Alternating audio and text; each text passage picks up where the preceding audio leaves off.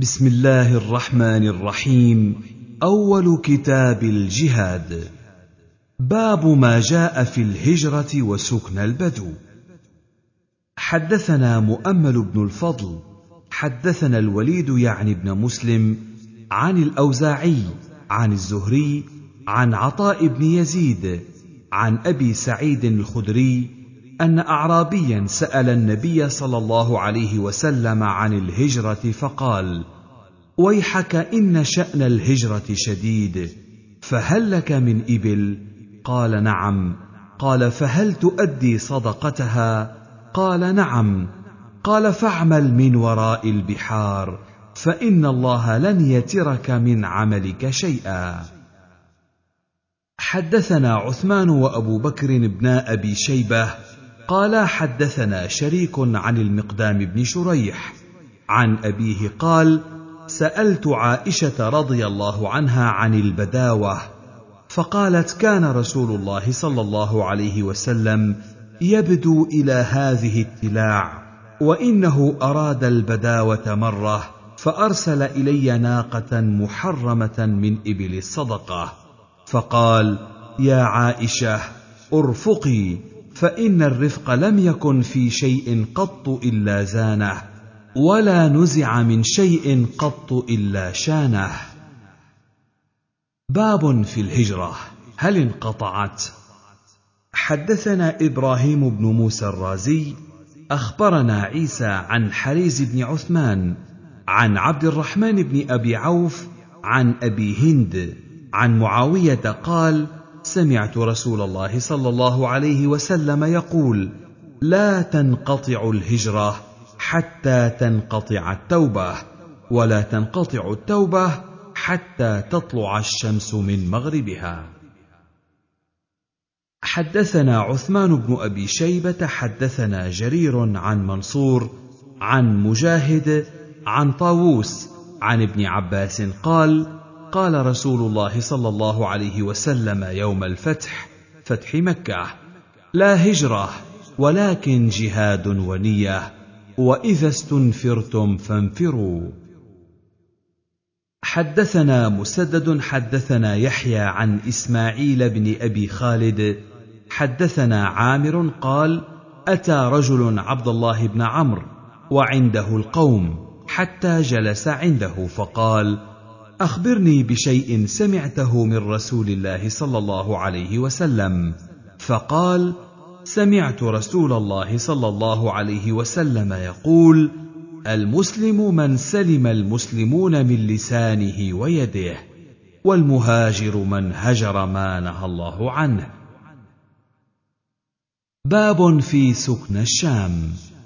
حدثنا عبيد الله بن عمر حدثنا معاذ بن هشام حدثني أبي عن قتادة عن شهر بن حوشب عن عبد الله بن عمرو قال سمعت رسول الله صلى الله عليه وسلم يقول ستكون هجرة بعد هجرة فخيار أهل الأرض ألزمهم مهاجر إبراهيم ويبقى في الأرض شرار أهلها تلفظهم أرضوهم تقذرهم نفس الله. وتحشرهم النار مع القردة والخنازير. حدثنا حيوة بن شريح الحضرمي. حدثنا بقية. حدثني بحير عن خالد يعني ابن معدان. عن ابن أبي قتيلة عن ابن حوالة. قال قال رسول الله صلى الله عليه وسلم سيصير الأمر إلى أن تكونوا جنودا مجندة جند بالشام وجند باليمن وجند بالعراق. قال ابن حواله خير لي يا رسول الله إن أدركت ذلك. فقال عليك بالشام فإنها خيرة الله من أرضه يجتبي إليها خيرته من عباده. فأما إذ أبيتم فعليكم بيمنكم واسقوا من غدركم فإن الله توكل لي بالشام وأهله. باب في دوام الجهاد. حدثنا موسى بن إسماعيل حدثنا حماد عن قتادة عن مطرف عن عمران بن حسين قال قال رسول الله صلى الله عليه وسلم لا تزال طائفة من أمتي يقاتلون على الحق ظاهرين على من ناوأهم حتى يقاتل آخرهم المسيح الدجال. باب في ثواب الجهاد.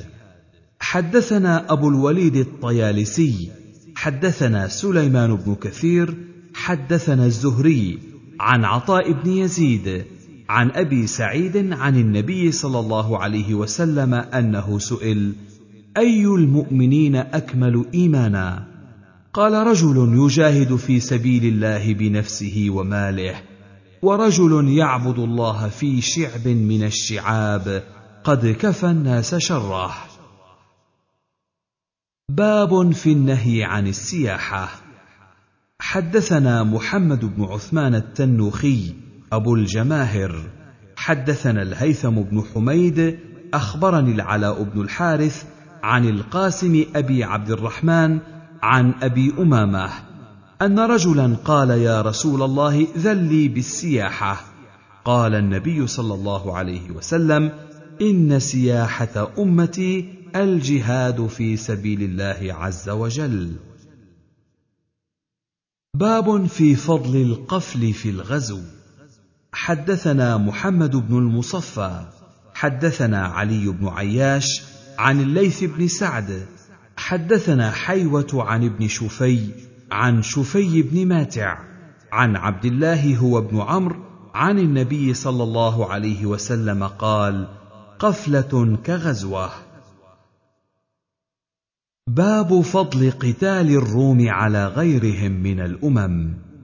حدثنا عبد الرحمن بن سلام حدثنا حجاج بن محمد عن فرج بن فضالة عن عبد الخبير بن ثابت بن قيس بن شماس عن أبيه عن جده قال جاءت امرأة إلى النبي صلى الله عليه وسلم يقال لها أم خلاد وهي متنقبة تسأل عن ابنها وهو مقتول. فقال لها بعض أصحاب النبي صلى الله عليه وسلم جئت تسألين عن ابنك وأنت متنقبة. فقالت أن ارزا أبني فلن ارزا حيائي. فقال رسول الله صلى الله عليه وسلم ابنك له أجر شهيدين. قالت ولم ذاك يا رسول الله؟ قال لأنه قتله أهل الكتاب. باب في ركوب البحر في الغزو. حدثنا سعيد بن منصور حدثنا إسماعيل بن زكريا عن مطرف عن بشر أبي عبد الله عن بشير بن مسلم عن عبد الله بن عمرو قال قال رسول الله صلى الله عليه وسلم لا يركب البحر إلا حاج أو معتمر أو غاز في سبيل الله فإن تحت البحر نارا وتحت النار بحرا. باب فضل الغزو في البحر.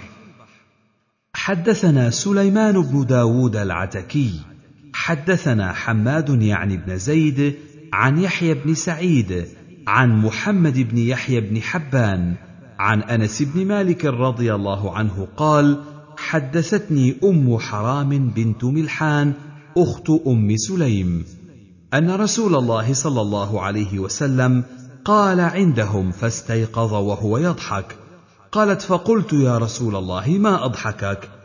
قال رأيت قوما ممن يركب ظهر هذا البحر كالملوك على الأسرة. قالت قلت يا رسول الله أدعو الله أن يجعلني منهم. قال فإنك منهم. قالت ثم نام فاستيقظ وهو يضحك. قالت فقلت يا رسول الله ما أضحكك؟ فقال مثل مقالته. قالت قلت يا رسول الله ادعو الله أن يجعلني منهم. قال أنت من الأولين. قال فتزوجها عبادة بن الصامت فغزا في البحر فحملها معه. فلما رجع قربت لها بغلة لتركبها فصرعتها فاندقت عنقها فماتت. حدثنا القعنبي عن مالك عن إسحاق بن عبد الله بن أبي طلحة عن أنس بن مالك أنه سمعه يقول كان رسول الله صلى الله عليه وسلم إذا ذهب إلى قباء يدخل على أم حرام بنت ملحان وكانت تحت عبادة بن الصامت فدخل عليها يوما فأطعمته وجلست تفلي رأسه وساق هذا الحديث. قال أبو داود وماتت بنت ملحان بقبرس حدثنا يحيى بن معين حدثنا هشام بن يوسف عن معمر عن زيد بن أسلم عن عطاء بن يسار عن أخت أم سليم الرميصاء. قالت نام النبي صلى الله عليه وسلم فاستيقظ وكانت تغسل رأسها فاستيقظ وهو يضحك. فقالت يا رسول الله أتضحك من رأسي؟ قال لا وساق هذا الخبر يزيد وينقص. قال أبو الدرداء الرميصاء أخت أم سليم من الرضاعة. حدثنا محمد بن بكار العيشي حدثنا مروان حا وحدثنا عبد الوهاب بن عبد الرحيم الجوبري الدمشقي المعنى. قال حدثنا مروان حدثنا هلال بن ميمون الرملي عن يعلى بن شداد عن أم حرام عن النبي صلى الله عليه وسلم أنه قال المائد في البحر الذي يصيبه القيء له أجر شهيد والغرق له أجر شهيدين. حدثنا عبد السلام بن عتيق حدثنا أبو مسهر حدثنا إسماعيل بن عبد الله يعني بن سماعة. أخبرنا الأوزاعي حدثني سليمان بن حبيب عن أبي أمامة الباهلي عن رسول الله صلى الله عليه وسلم قال ثلاثة كلهم ضامن على الله عز وجل. رجل خرج غازيا في سبيل الله عز وجل فهو ضامن على الله حتى يتوفاه فيدخله الجنة أو يرده بما نال من أجر وغنيمة. ورجل راح إلى المسجد فهو ضامن على الله حتى يتوفاه فيدخله الجنة أو يرده بما نال من أجر وغنيمة. ورجل دخل بيته بسلام فهو ضامن على الله عز وجل. باب في فضل من قتل كافرا. حدثنا محمد بن الصباح البزاز حدثنا إسماعيل يعني بن جعفر عن العلاء عن أبيه عن أبي هريرة أن رسول الله صلى الله عليه وسلم قال لا يجتمع في النار كافر وقاتله أبدا. باب في حرمة نساء المجاهدين على القاعدين. حدثنا سعيد بن منصور حدثنا سفيان عن قعنب عن علقمة بن مرثد عن ابن بريدة عن أبيه قال قال رسول الله صلى الله عليه وسلم حرمة نساء المجاهدين على القاعدين كحرمة أمهاتهم. وما من رجل من القاعدين يخلف رجلا من المجاهدين في أهله إلا نصب له يوم القيامة. فقيل له هذا قد خلفك في أهلك فخذ من حسناته ما شئت. فالتفت إلينا رسول الله صلى الله عليه وسلم فقال ما ظنكم؟ قال أبو سعيد. قال أبو داود. كان قعنب رجلا صالحا وكان ابن أبي ليلى أراد قعنبا على القضاء. قال فأبى عليه. وقال قعنب أنا أريد الحاجة بدرهم فأستعين عليها برجل وأينا لا يستعين في حاجته؟ قال أخرجوني حتى أنظر فأخرج فتوارى. قال سفيان بينما هو متوار إذ وقع عليه البيت فمات. باب في السرية تخفق. حدثنا عبيد الله بن عمر بن ميسرة. حدثنا عبد الله بن يزيد. حدثنا حيوة وابن لهيعة.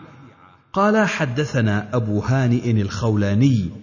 أنه سمع أبا عبد الرحمن الحبلي يقول سمعت عبد الله بن عمرو يقول قال رسول الله صلى الله عليه وسلم ما من غازية تغزو في سبيل الله فيصيبون غنيمة إلا تعجلوا ثلثي أجرهم من الآخرة ويبقى لهم الثلث فإن لم يصيبوا غنيمة تم لهم أجرهم.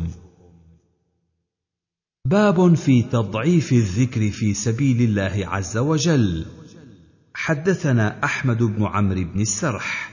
حدثنا ابن وهب عن يحيى بن أيوب وسعيد بن أبي أيوب عن زبان بن فائد عن سهل بن معاذ عن أبيه قال قال رسول الله صلى الله عليه وسلم إن الصلاة والصيام والذكر يضاعف على النفقة في سبيل الله عز وجل بسبعمائة ضعف. باب في من مات غازيا. حدثنا عبد الوهاب بن نجدة حدثنا بقية بن الوليد عن ابن ثوبان عن أبيه يرد إلى مكحول إلى عبد الرحمن بن غنم الأشعري أن أبا مالك الأشعري قال سمعت رسول الله صلى الله عليه وسلم يقول من فصل في سبيل الله عز وجل فمات أو قتل فهو شهيد أو وقصه فرسه أو بعيره أو لدغته هامة أو مات على فراشه أو بأي حتف شاء الله فإنه شهيد وله الجنة. باب في فضل الرباط.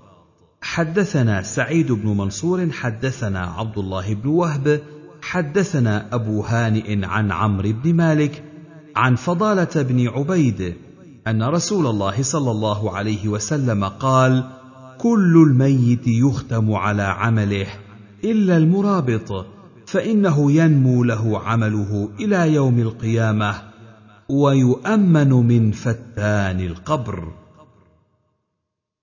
باب في فضل الحرس في سبيل الله عز وجل.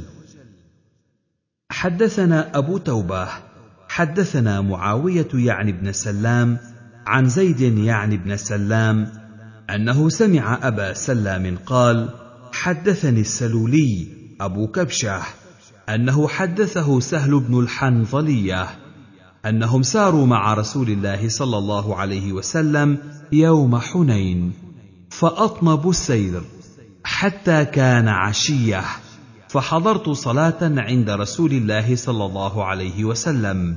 فجاء رجل فارس فقال يا رسول الله إني انطلقت بين أيديكم حتى طلعت جبل كذا وكذا فإذا أنا بهوازن على بكرة آبائهم بضعنهم ونعمهم وشائهم اجتمعوا إلى حنين فتبسم رسول الله صلى الله عليه وسلم وقال تلك غنيمة المسلمين غدا إن شاء الله. ثم قال من يحرسنا الليلة؟ قال أنس بن أبي مرثد الغنوي أنا يا رسول الله. قال فاركب. فركب فرسا له وجاء إلى رسول الله صلى الله عليه وسلم. فقال له رسول الله صلى الله عليه وسلم استقبل هذا الشعب حتى تكون في أعلاه ولا نغرن من قبلك الليلة. فلما أصبحنا خرج رسول الله صلى الله عليه وسلم إلى مصلاه فركع ركعتين ثم قال هل أحسستم فارسكم؟ قالوا يا رسول الله ما أحسسناه. فثوب بالصلاة فجعل رسول الله صلى الله عليه وسلم يصلي وهو يتلفت إلى الشعب حتى إذا قضى صلاته وسلم فقال أبشروا فقد جاءكم فارسكم. فجعلنا ننظر إلى خلال الشجر في الشعب فإذا هو قد جاء حتى وقف على رسول الله صلى الله عليه وسلم. فسلم وقال إني انطلقت حتى كنت في أعلى هذا الشعب حيث أمرني رسول الله صلى الله عليه وسلم فلما أصبحت اطلعت الشعبين كليهما فنظرت فلم أر أحدا فقال له رسول الله صلى الله عليه وسلم هل نزلت الليلة؟ قال لا إلا مصليا أو قاضيا حاجة. فقال له رسول الله صلى الله عليه وسلم قد أوجبت فلا عليك ألا تعمل بعدها. باب كراهية ترك الغزو. حدثنا عبدة بن سليمان المروزي حدثنا ابن المبارك حدثنا وهيب قال عبدة يعني بن الورد أخبرني عمر بن محمد بن المنكدر عن سمي عن أبي صالح عن أبي هريرة عن النبي صلى الله عليه وسلم قال من مات ولم يغزو ولم يحدث نفسه بغزو مات على شعبة من نفاق. حدثنا عمرو بن عثمان وقرأته على يزيد بن عبد ربه الجرجسي. قال حدثنا الوليد بن مسلم عن يحيى بن الحارث عن القاسم أبي عبد الرحمن عن أبي أمامة عن النبي صلى الله عليه وسلم قال من لم يغزو أو يجهز غازيا أو يخلف غازيا في أهله بخير أصابه الله بقارعة. قال يزيد بن عبد ربه في حديثه قبل يوم القيامة. حدثنا موسى بن إسماعيل حدثنا حماد عن حميد عن أنس أن النبي صلى الله عليه وسلم قال جاهدوا المشركين بأموالكم وأنفسكم وألسنتكم. باب في نسخ نفير العامة بالخاصة.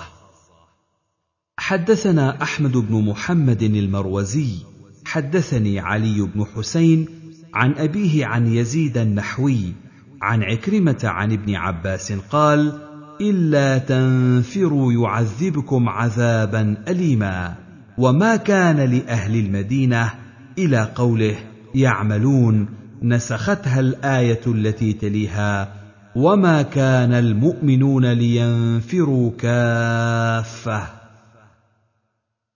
حدثنا عثمان بن ابي شيبه حدثنا زيد بن الحباب عن عبد المؤمن بن خالد الحنفي. حدثني نجده بن نفيع قال سالت ابن عباس عن هذه الايه. الا تنفروا يعذبكم عذابا اليما. قال فأمسك عنهم المطر وكان عذابهم. باب الرخصة في القعود من العذر. حدثنا سعيد بن منصور حدثنا عبد الرحمن بن أبي الزناد عن أبيه عن خارجة بن زيد عن زيد بن ثابت قال كنت إلى جنب رسول الله صلى الله عليه وسلم فغشيته السكينة فوقعت فخذ رسول الله صلى الله عليه وسلم على فخذي فما وجدت ثقل شيء أثقل من فخذ رسول الله صلى الله عليه وسلم.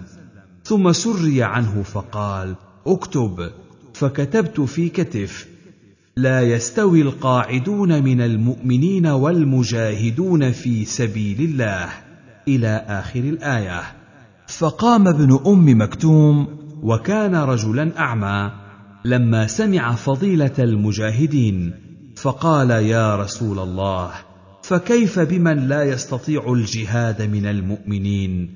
فلما قضى كلامه غشيت رسول الله صلى الله عليه وسلم السكينة فوقعت فخذه على فخذي ووجدت من ثقلها في المرة الثانية كما وجدت في المرة الأولى.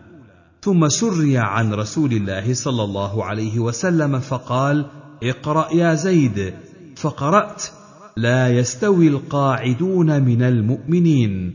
فقال رسول الله صلى الله عليه وسلم غير أولي الضرر الآية كلها.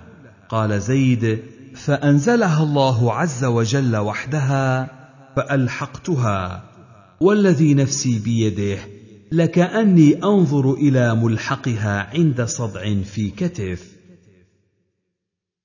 حدثنا موسى بن إسماعيل حدثنا حماد عن حميد عن موسى بن أنس بن مالك عن أبيه أن رسول الله صلى الله عليه وسلم قال لقد تركتم بالمدينة أقواما ما سرتم مسيرا ولا أنفقتم من نفقة ولا قطعتم من واد إلا وهم معكم فيه.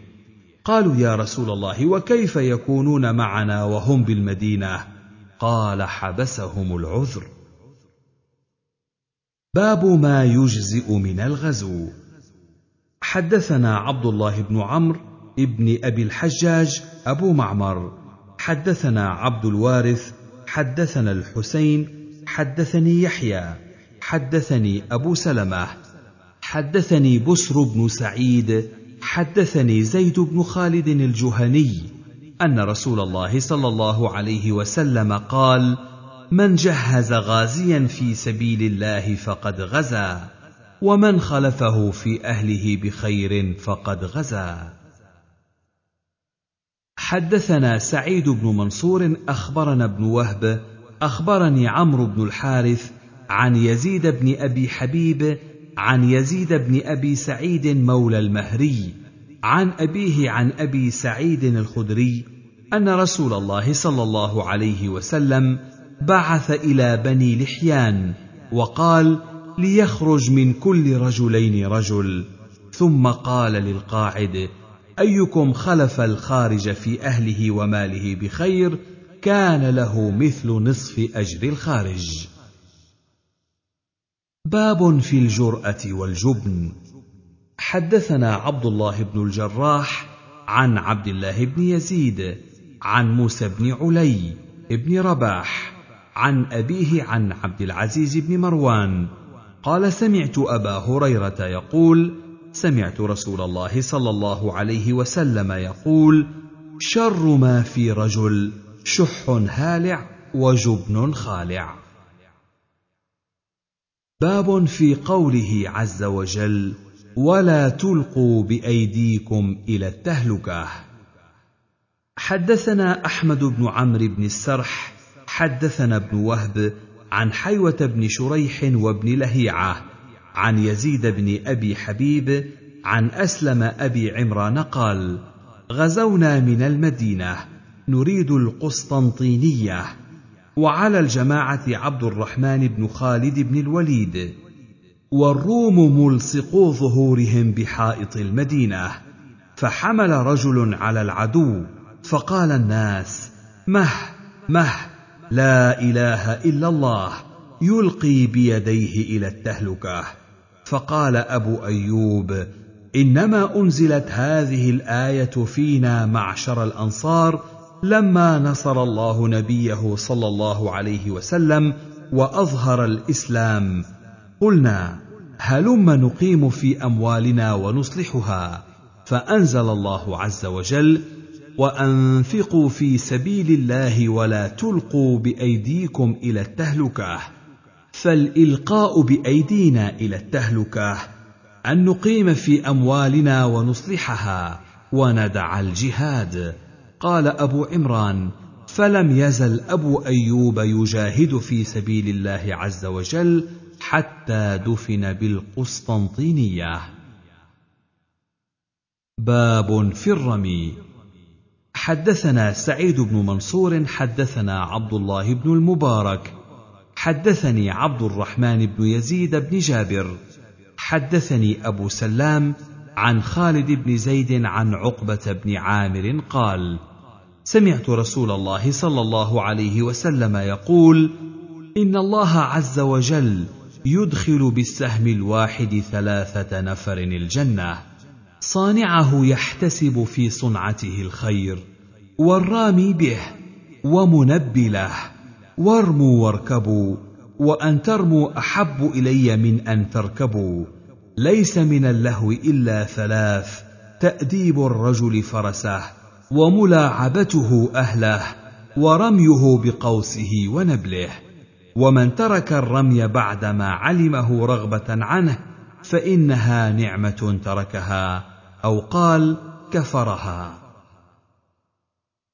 حدثنا سعيد بن منصور حدثنا عبد الله بن وهب. أخبرني عمرو بن الحارث عن أبي علي ثمامة بن شفي الهمداني. أنه سمع عقبة بن عامر الجهني يقول سمعت رسول الله صلى الله عليه وسلم وهو على المنبر يقول وأعدوا لهم ما استطعتم من قوة. ألا إن القوة الرمي؟ ألا إن القوة الرمي؟ ألا إن القوة الرمي؟ باب في من يغزو ويلتمس الدنيا. حدثنا حيوة بن شريح الحضرمي حدثنا بقية حدثني بحير عن خالد بن معدان عن أبي بحرية عن معاذ بن جبل عن رسول الله صلى الله عليه وسلم أنه قال الغزو غزوان فأما من ابتغى وجه الله وأطاع الإمام وأنفق الكريمة وياسر الشريك واجتنب الفساد فإن نومه ونبهه أجر كله.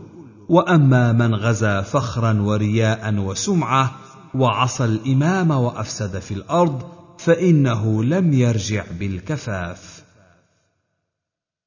حدثنا أبو توبة الربيع بن نافع عن ابن المبارك عن ابن أبي ذئب عن القاسم عن بكير بن عبد الله الأشج عن ابن مكرز رجل من أهل الشام عن أبي هريرة أن رجلا قال يا رسول الله رجل يريد الجهاد في سبيل الله وهو يبتغي عرضا من عرض الدنيا. فقال النبي صلى الله عليه وسلم لا أجر له. فأعظم ذلك الناس وقالوا للرجل عد لرسول الله صلى الله عليه وسلم فلعلك لم تفهمه. فقال يا رسول الله رجل يريد الجهاد في سبيل الله وهو يبتغي عرضا من عرض الدنيا. قال لا أجر له. فقالوا للرجل عد لرسول الله صلى الله عليه وسلم. فقال له الثالثة فقال له لا أجر له. باب من قاتل لتكون كلمة الله هي العليا.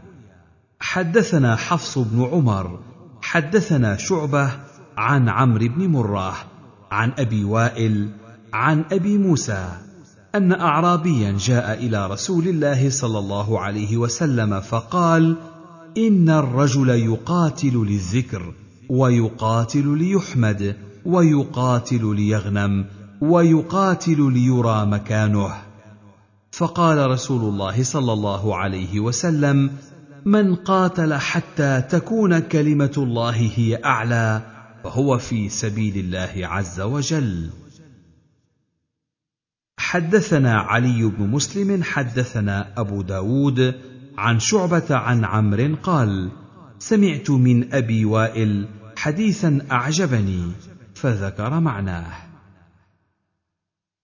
حدثنا مسلم بن حاتم الأنصاري حدثنا عبد الرحمن بن مهدي حدثنا محمد بن أبي الوضاح عن العلاء بن عبد الله بن رافع عن حنان بن خارجة عن عبد الله بن عمرو رضي الله عنه قال قال عبد الله بن عمرو يا رسول الله أخبرني عن الجهاد والغزو. فقال يا عبد الله بن عمرو إن قاتلت صابرا محتسبا بعثك الله صابرا محتسبا. وإن قاتلت مرائيا مكاثرا بعثك الله مرائيا مكاثرا. يا عبد الله بن عمرو على أي حال قاتلت أو قتلت؟ بعثك الله على تيك الحال. باب في فضل الشهادة. حدثنا عثمان بن أبي شيبة حدثنا عبد الله بن إدريس عن محمد بن إسحاق عن إسماعيل بن أمية عن أبي الزبير عن سعيد بن جبير عن ابن عباس قال قال رسول الله صلى الله عليه وسلم لما أصيب إخوانكم بأحد جعل الله أرواحهم في جوف طير خضر ترد أنهار الجنة تأكل من ثمارها. وتأوي إلى قناديل من ذهب معلقة في ظل العرش. فلما وجدوا طيب مأكلهم ومشربهم ومقيلهم قالوا من يبلغ إخواننا عنا أنا أحياء في الجنة نرزق لئلا يزهدوا في الجهاد ولا ينكلوا عند الحرب؟ فقال الله تعالى أنا أبلغهم عنكم قال وأنزل الله عز وجل ولا تحسبن الذين قتلوا في سبيل الله أمواتا إلى آخر الآية. حدثنا مسدد حدثنا يزيد بن زريع حدثنا عوف حدثتنا حسناء بنت معاوية الصريمية قالت حدثنا عمي قال قلت للنبي صلى الله عليه وسلم من في الجنة؟ قال النبي في الجنة والشهيد في الجنة والمولود في الجنة والوئيد في الجنة. باب في الشهيد يشفع. حدثنا أحمد بن صالح حدثنا يحيى بن حسان حدثنا الوليد بن رباح الذماري حدثني عمي نمران بن عتبة الذماري قال دخلنا على أم الدرداء ونحن أيتام. فقالت أبشروا فإني سمعت أبا الدرداء يقول قال رسول الله صلى الله عليه وسلم يشفع الشهيد في سبعين من أهل بيته. قال أبو داود صوابه رباح بن الوليد. باب في النور يرى عند قبر الشهيد. حدثنا محمد بن عمرو الرازي حدثنا سلمة يعني بن الفضل عن محمد بن إسحاق حدثني يزيد بن رومان عن عروة عن عائشة رضي الله عنها قالت لما مات النجاشي كنا نتحدث أنه لا يزال يرى على قبره نور. قال لنا أبو سعيد وحدثناه أحمد بن عبد الجبار قال حدثنا يونس بن بكير عن أبي إسحاق نحوه. حدثنا محمد بن كثير أخبرنا شعبة عن عمرو بن مرة قال سمعت عمرو بن ميمون عن عبد الله بن ربيعة عن عبيد الله بن خالد السلمي قال آخى رسول الله صلى الله عليه وسلم بين رجلين فقتل أحدهما ومات الآخر بعده بجمعة أو نحوها. فصلينا عليه. فقال رسول الله صلى الله عليه وسلم ما قلتم؟ فقلنا دعونا له وقلنا اللهم اغفر له وألحقه بصاحبه. فقال رسول الله صلى الله عليه وسلم فأين صلاته بعد صلاته؟ وصومه بعد صومه؟ شك شعبة في صومه وعمله بعد عمله. إن بينهما كما بين السماء والأرض. باب في الجعائل في الغزو. حدثنا إبراهيم بن موسى الرازي أخبرنا حا وحدثنا عمرو بن عثمان حدثنا محمد بن حرب المعنى وأنا لحديثه أتقن عن أبي سلمة سليمان بن سليم عن يحيى بن جابر الطائي عن ابن أخي أبي أيوب الأنصاري عن أبي أيوب أنه سمع رسول الله صلى الله عليه وسلم يقول ستفتح عليكم الأمصار وستكون جنود مجندة يقطع عليكم فيها بعوث فيكره الرجل منكم البعث فيها فيتخلص من قومه ثم يتصفح القبائل يعرض نفسه عليهم يقول من أكفه بعث كذا؟ من أكفه بعث كذا؟ ألا وذلك الأجير إلى آخر قطرة من دمه.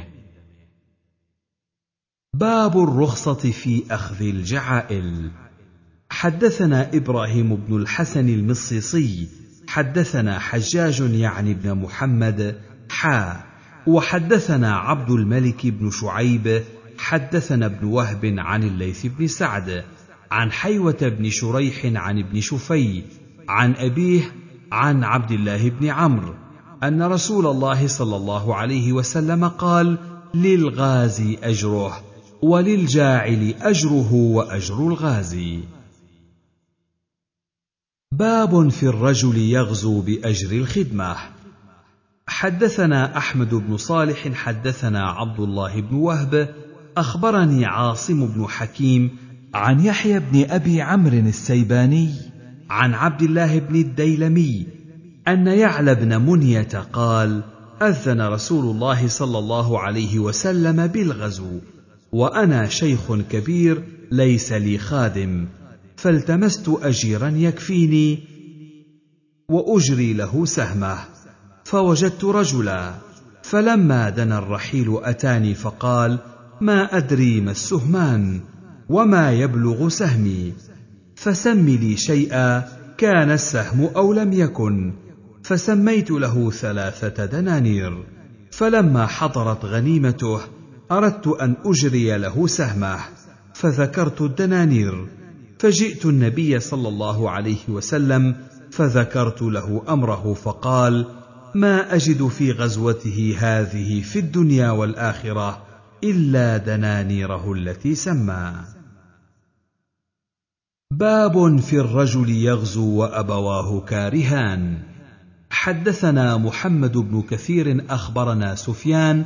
حدثنا عطاء بن السائب عن أبيه.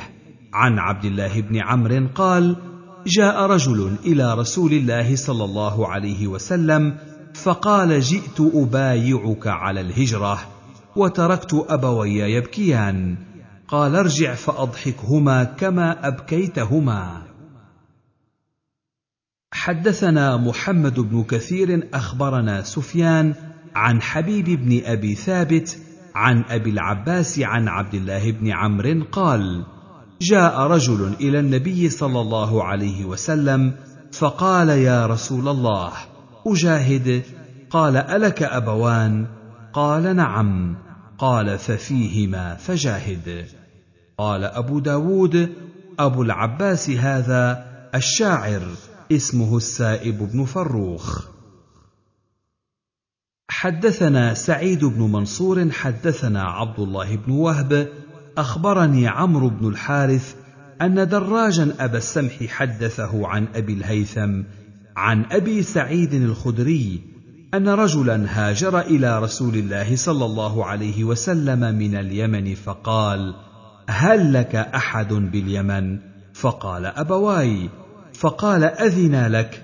قال لا. قال ارجع إليهما فاستأذنهما فإن أذنا لك فجاهد وإلا فبرهما. باب في النساء يغزون. حدثنا عبد السلام بن مطهر حدثنا جعفر بن سليمان عن ثابت عن أنس قال كان رسول الله صلى الله عليه وسلم يغزو بأم سليم ونسوة من الأنصار ليسقين الماء ويداوين الجرحى. باب في الغزو مع أئمة الجور. حدثنا سعيد بن منصور حدثنا أبو معاوية. حدثنا جعفر بن برقان عن يزيد بن أبي نشبه عن أنس بن مالك قال قال رسول الله صلى الله عليه وسلم ثلاث من أصل الإيمان الكف عمن قال لا إله إلا الله ولا تكفره بذنب ولا تخرجه من الإسلام بعمل والجهاد ماض منذ بعثني الله إلى أن يقاتل آخر أمة الدجال. لا يبطله جور جائر ولا عدل عادل والإيمان بالأقدار. حدثنا أحمد بن صالح حدثنا ابن وهب حدثني معاوية بن صالح عن العلاء بن الحارث عن مكحول عن أبي هريرة قال قال رسول الله صلى الله عليه وسلم الجهاد واجب عليكم مع كل أمير برا كان أو فاجرا والصلاة واجبة عليكم خلف كل مسلم برا كان أو فاجرا وإن عمل الكبائر والصلاة واجبة على كل مسلم برا كان أو فاجرا وإن عمل الكبائر. باب الرجل يتحمل بمال غيره يغزو. حدثنا محمد بن سليمان الأنباري حدثنا عبيدة بن حميد عن الأسود بن قيس عن نبيح العنزي عن جابر بن عبد الله حدث عن رسول الله صلى الله عليه وسلم أنه أراد أن يغزو. قال يا معشر المهاجرين والأنصار إن من إخوانكم قوما ليس لهم مال ولا عشيرة فليضم أحدكم إليه الرجلين أو الثلاثة. فما لأحدنا من ظهر يحمله إلا عقبة كعقبة يعني أحدهم. قال فضممت إلي اثنين أو ثلاثة. قال ما لي إلا عقبة كعقبة أحد من جملي. باب في الرجل يغزو. يلتمس الأجر والغنيمة. حدثنا أحمد بن صالح حدثنا أسد بن موسى حدثنا معاوية بن صالح حدثني ضمرة أن ابن زغب الأيادي حدثه قال نزل علي عبد الله بن حوالة الأزدي فقال لي بعثنا رسول الله صلى الله عليه وسلم لنغنم على أقدامنا. فرجعنا فلم نغنم شيئا وعرف الجهد في وجوهنا. فقام فينا فقال اللهم لا تكلهم إلي فأضعف عنهم ولا تكلهم إلى أنفسهم فيعجزوا عنها ولا تكلهم إلى الناس فيستاثروا عليهم. ثم وضع يده على رأسي أو على هامتي ثم قال يا ابن حوالة إذا رأيت الخلافة قد نزلت أرض المقدسة فقد دنت الزلازل والبلابل والأمور العظام والساعة يومئذ أقرب من الناس من يدي هذه من رأسك. قال أبو داود عبد الله بن حوالة حمصي. باب في الرجل يشري نفسه. حدثنا موسى بن إسماعيل أخبرنا حماد أخبرنا عطاء بن السائب عن مرة الهمداني عن عبد الله بن مسعود قال قال رسول الله صلى الله عليه وسلم عجب ربنا عز وجل من رجل غزا في سبيل الله عز وجل فانهزم يعني أصحابه فعلم ما عليه فرجع حتى اهرق دمه فيقول الله عز وجل لملائكته انظروا إلى عبدي رجع رغبة فيما عندي وشفقة مما عندي حتى اهرق دمه.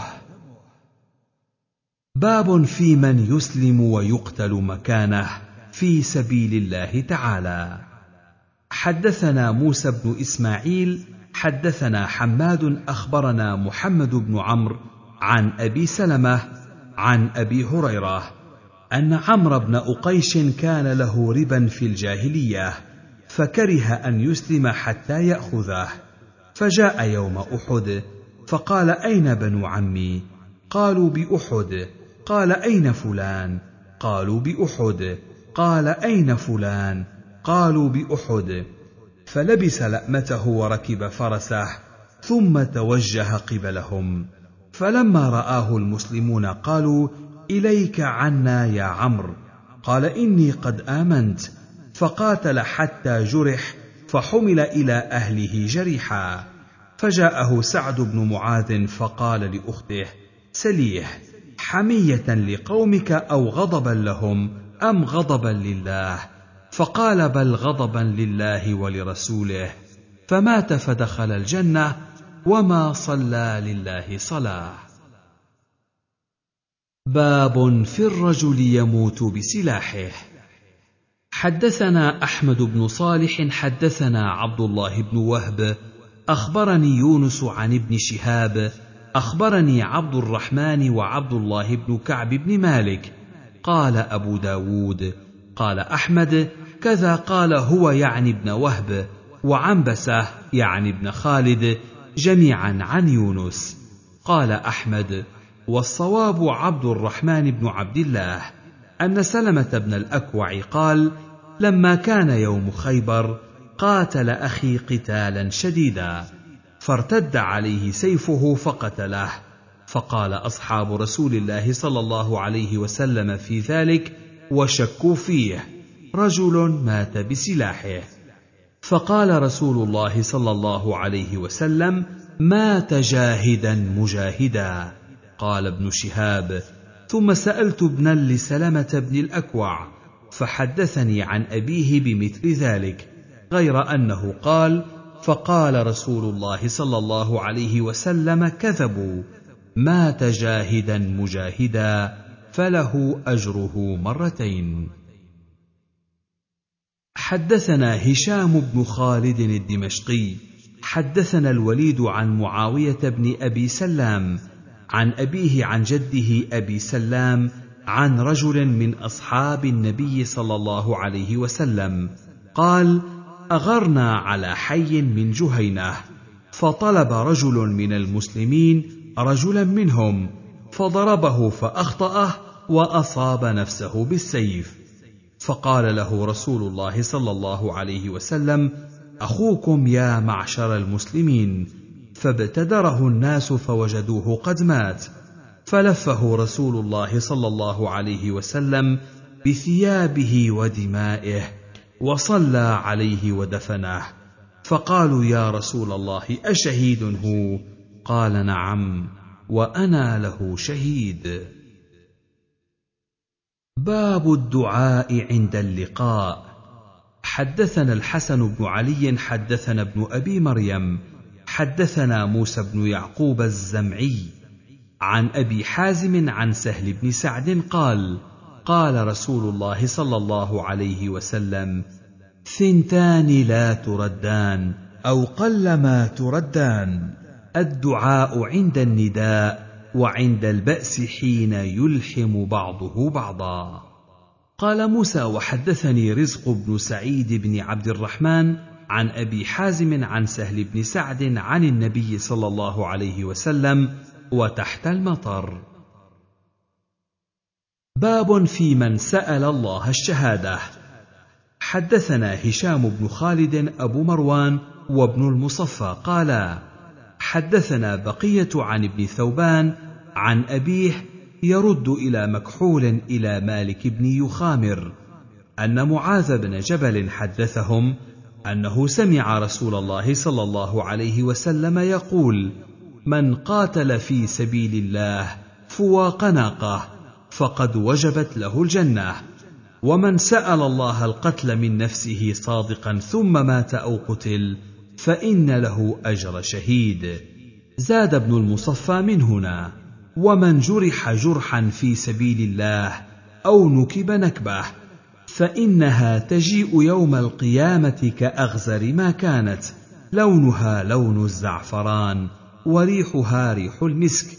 ومن خرج به خراج في سبيل الله عز وجل فإن عليه طابع الشهداء. باب في كراهية جز نواصي الخيل واذنابها حدثنا أبو توبة عن الهيثم بن حميد حا. وحدثنا خشيش بن أصرم. حدثنا أبو عاصم جميعا عن ثور بن يزيد عن نصر الكناني عن رجل وقال أبو توبة عن ثور بن يزيد عن شيخ من بني سليم عن عتبة بن عبد السلمي وهذا لفظه أنه سمع رسول الله صلى الله عليه وسلم يقول لا تقصوا نواصي الخيل ولا معارفها ولا أذنابها فإن أذنابها مذابها ومعارفها دفاؤها ونواصيها معقود فيها الخير. باب فيما يستحب من ألوان الخيل. حدثنا هارون بن عبد الله حدثنا هشام بن سعيد الطالقاني أخبرنا محمد بن مهاجر الأنصاري حدثني عقيل بن شبيب عن أبي وهب الجوشمي وكانت له صحبة قال قال رسول الله صلى الله عليه وسلم عليكم بكل كميت أغر محجل أو أشقر أغر محجل أو أدهم أغر محجل. حدثنا محمد بن عوف الطائي حدثنا أبو المغيرة حدثنا محمد بن مهاجر حدثنا عقيل بن شبيب عن أبي وهب قال قال رسول الله صلى الله عليه وسلم عليكم بكل أشقر أغر محجل أو كميت أغر فذكر نحوه. قال محمد يعني ابن مهاجر وسألته لم فضل الأشقر قال لأن النبي صلى الله عليه وسلم بعث سريه فكان أول من جاء بالفتح صاحب أشقر. حدثنا يحيى بن معين حدثنا حسين بن محمد عن شيبان عن عيسى بن علي عن أبيه عن جده بن عباس قال قال رسول الله صلى الله عليه وسلم يمن الخيل في شقرها. باب هل تسمى الأنثى من الخيل فرسا؟ حدثنا موسى بن مروان الرقي. حدثنا مروان بن معاوية عن أبي حيان التيمي. حدثنا أبو زرعة عن أبي هريرة أن رسول الله صلى الله عليه وسلم كان يسمي الأنثى من الخيل فرسا. باب ما يكره من الخيل. حدثنا محمد بن كثير أخبرنا سفيان عن سلم هو ابن عبد الرحمن عن أبي زرعة عن أبي هريرة قال كان النبي صلى الله عليه وسلم يكره الشكال من الخيل والشكال يكون الفرس في رجله اليمنى بياض وفي يده اليسرى بياض أو في يده اليمنى وفي رجله اليسرى. قال أبو داود أي مخالف. باب ما يؤمر به من القيام على الدواب والبهائم. حدثنا عبد الله بن محمد النفيلي حدثنا مسكين يعني ابن بكير حدثنا محمد بن مهاجر عن ربيعة بن يزيد عن أبي كبشة السلولي عن سهل بن الحنظلية قال مر رسول الله صلى الله عليه وسلم ببعير قد لحق ظهره ببطنه. قال اتقوا الله في هذه البهائم المعجمة فاركبوها صالحة وكلوها صالحة.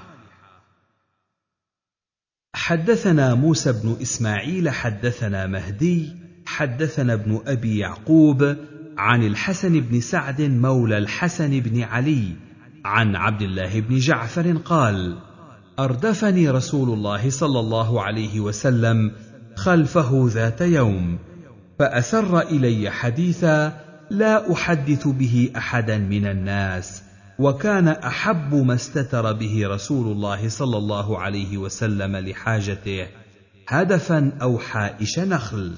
قال فدخل حائطا لرجل من الأنصار فإذا جمل فلما رأى النبي صلى الله عليه وسلم حن وذرفت عيناه فأتاه النبي صلى الله عليه وسلم فمسح ذفراه فسكت فقال من رب هذا الجمل؟ لمن هذا الجمل؟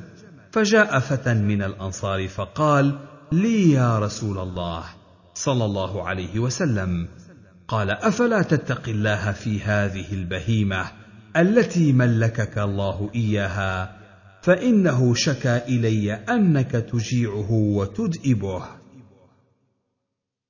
حدثنا عبد الله بن مسلمة القعنبي عن مالك عن سمي مولى أبي بكر عن أبي صالح السمان عن أبي هريرة أن رسول الله صلى الله عليه وسلم قال بينما رجل يمشي بطريق فاشتد عليه العطش فوجد بئرا فنزل فيها فشرب ثم خرج فإذا كلب يلهث يأكل الثرى من العطش.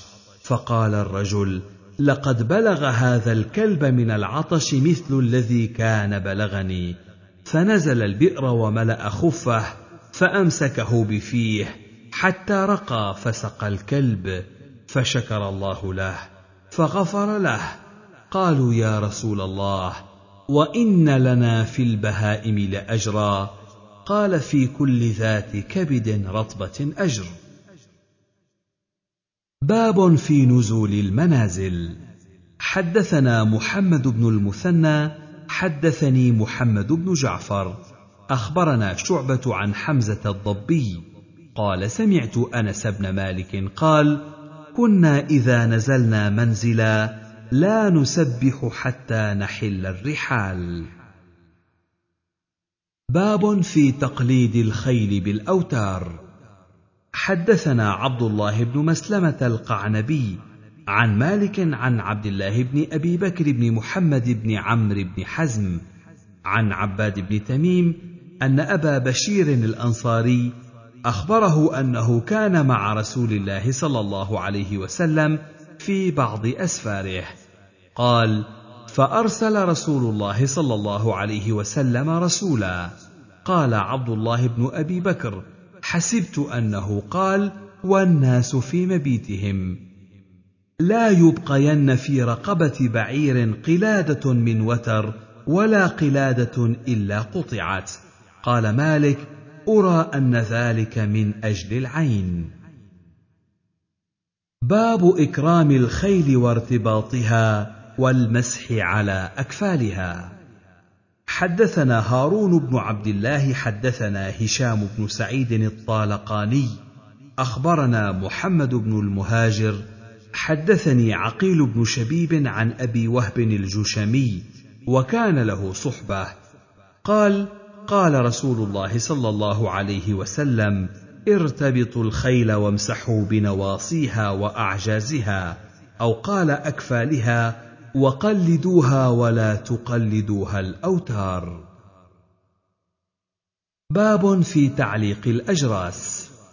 حدثنا مسدد حدثنا يحيى عن عبيد الله عن نافع عن سالم عن أبي الجراح مولى أم حبيبة عن أم حبيبة عن النبي صلى الله عليه وسلم قال لا تصحب الملائكة رفقة فيها جرس.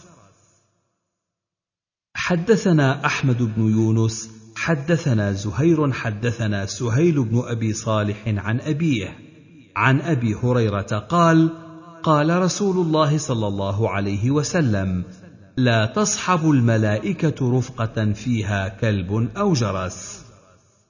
حدثنا محمد بن رافع حدثنا أبو بكر ابن أبي أويس.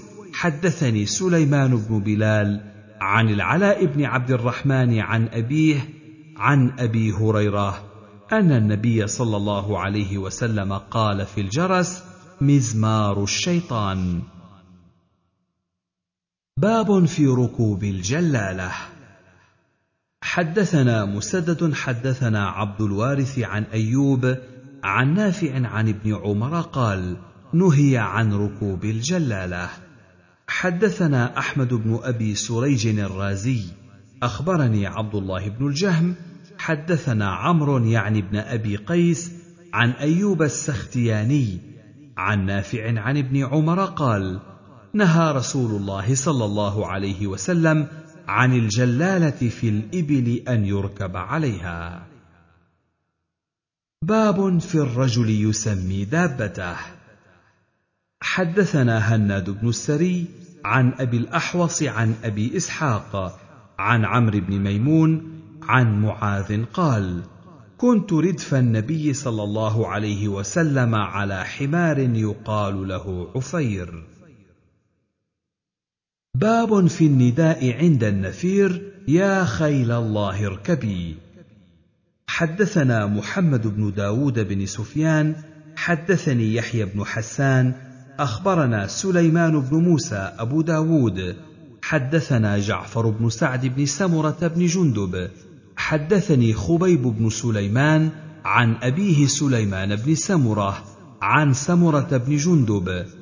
أما بعد فإن النبي صلى الله عليه وسلم سمى خيلنا خيل الله إذا فزعنا. وكان رسول الله صلى الله عليه وسلم يأمرنا إذا فزعنا بالجماعة والصبر والسكينة وإذا قاتلنا. باب النهي عن لعن البهيمة. حدثنا سليمان بن حرب حدثنا حماد عن أيوب عن أبي قلابة عن أبي المهلب عن عمران بن حسين أن النبي صلى الله عليه وسلم كان في سفر. فسمع لعنة فقال ما هذه؟ قالوا هذه فلانة لعنت راحلتها.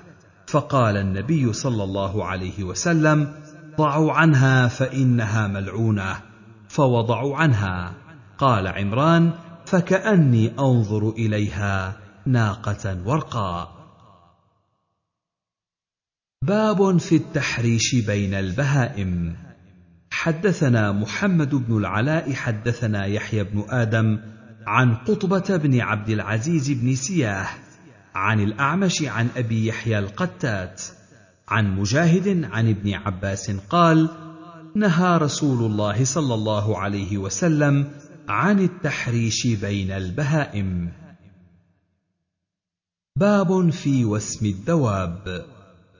حدثنا حفص بن عمر حدثنا شعبة عن هشام بن زيد عن أنس قال أتيت النبي صلى الله عليه وسلم بأخ لي حين ولد ليحنكه فإذا هو في مربد يسم غنما أحسبه قال في آذانها. باب النهي عن الوسم في الوجه والضرب في الوجه. حدثنا محمد بن كثير أخبرنا سفيان عن أبي الزبير عن جابر أن النبي صلى الله عليه وسلم مر عليه بحمار قد وسم في وجهه فقال أما بلغكم أني لعنت من وسم البهيمة في وجهها أو ضربها في وجهها فنهى عن ذلك. باب في كراهية الحمر تنزى على الخيل.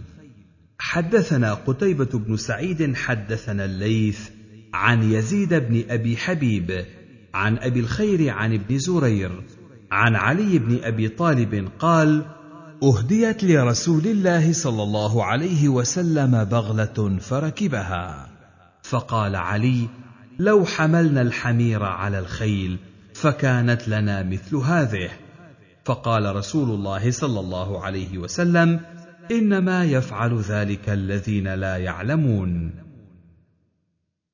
باب في ركوب ثلاثة على دابة.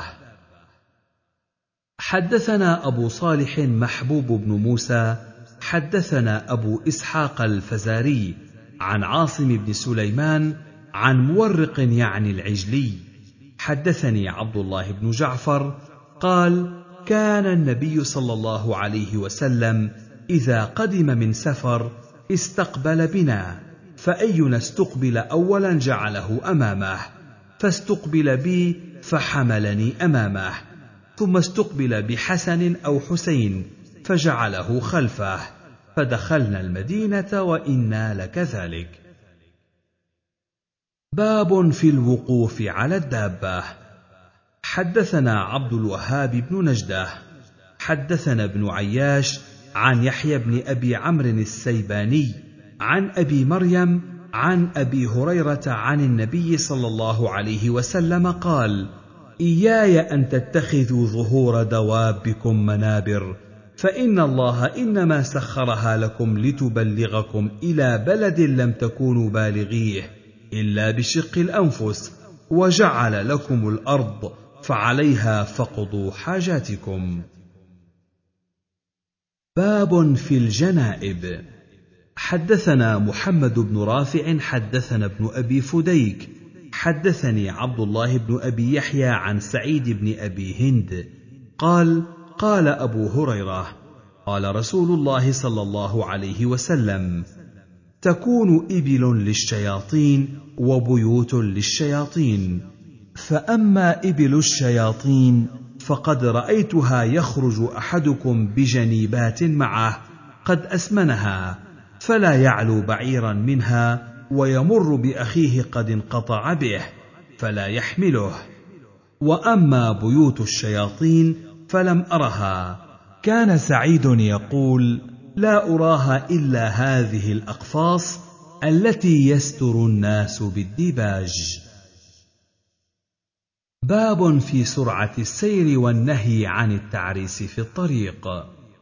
حدثنا موسى بن إسماعيل حدثنا حماد أخبرنا سهيل بن أبي صالح عن أبيه عن أبي هريرة أن رسول الله صلى الله عليه وسلم قال إذا سافرتم في الخصب فأعطوا الإبل حقها وإذا سافرتم في الجدب فأسرعوا السير فإذا أردتم التعريس فتنكبوا عن الطريق. حدثنا عثمان بن أبي شيبة حدثنا يزيد بن هارون. أخبرنا هشام عن الحسن عن جابر بن عبد الله عن النبي صلى الله عليه وسلم نحو هذا. قال بعد قوله حقها ولا تعدوا المنازل. باب في الدلجة. حدثنا عمرو بن علي حدثنا خالد بن يزيد حدثنا أبو جعفر الرازي عن الربيع بن أنس عن أنس قال قال رسول الله صلى الله عليه وسلم عليكم بالدلجة فإن الأرض تطوى بالليل. باب رب الدابة أحق بصدرها.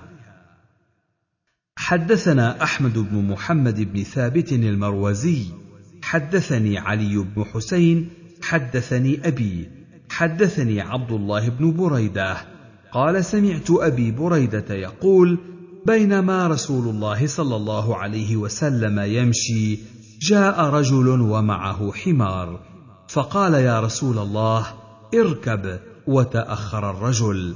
فقال رسول الله صلى الله عليه وسلم لا أنت أحق بصدر دابتك مني إلا أن تجعله لي. قال فإني قد جعلته لك. فركب. باب في الدابة تعرقب في الحرب. حدثنا عبد الله بن محمد النفيلي. حدثنا محمد بن سلمة عن محمد بن إسحاق. حدثني ابن عباد عن أبيه عباد بن عبد الله بن الزبير. قال أبو داود هو يحيى بن عباد حدثني أبي الذي أرضعني وهو أحد بني مرة بن عوف وكان في تلك الغزاة غزاة مؤتة قال والله لكاني أنظر إلى جعفر حين اقتحم عن فرس له شقراء فعقرها ثم قاتل القوم حتى قتل.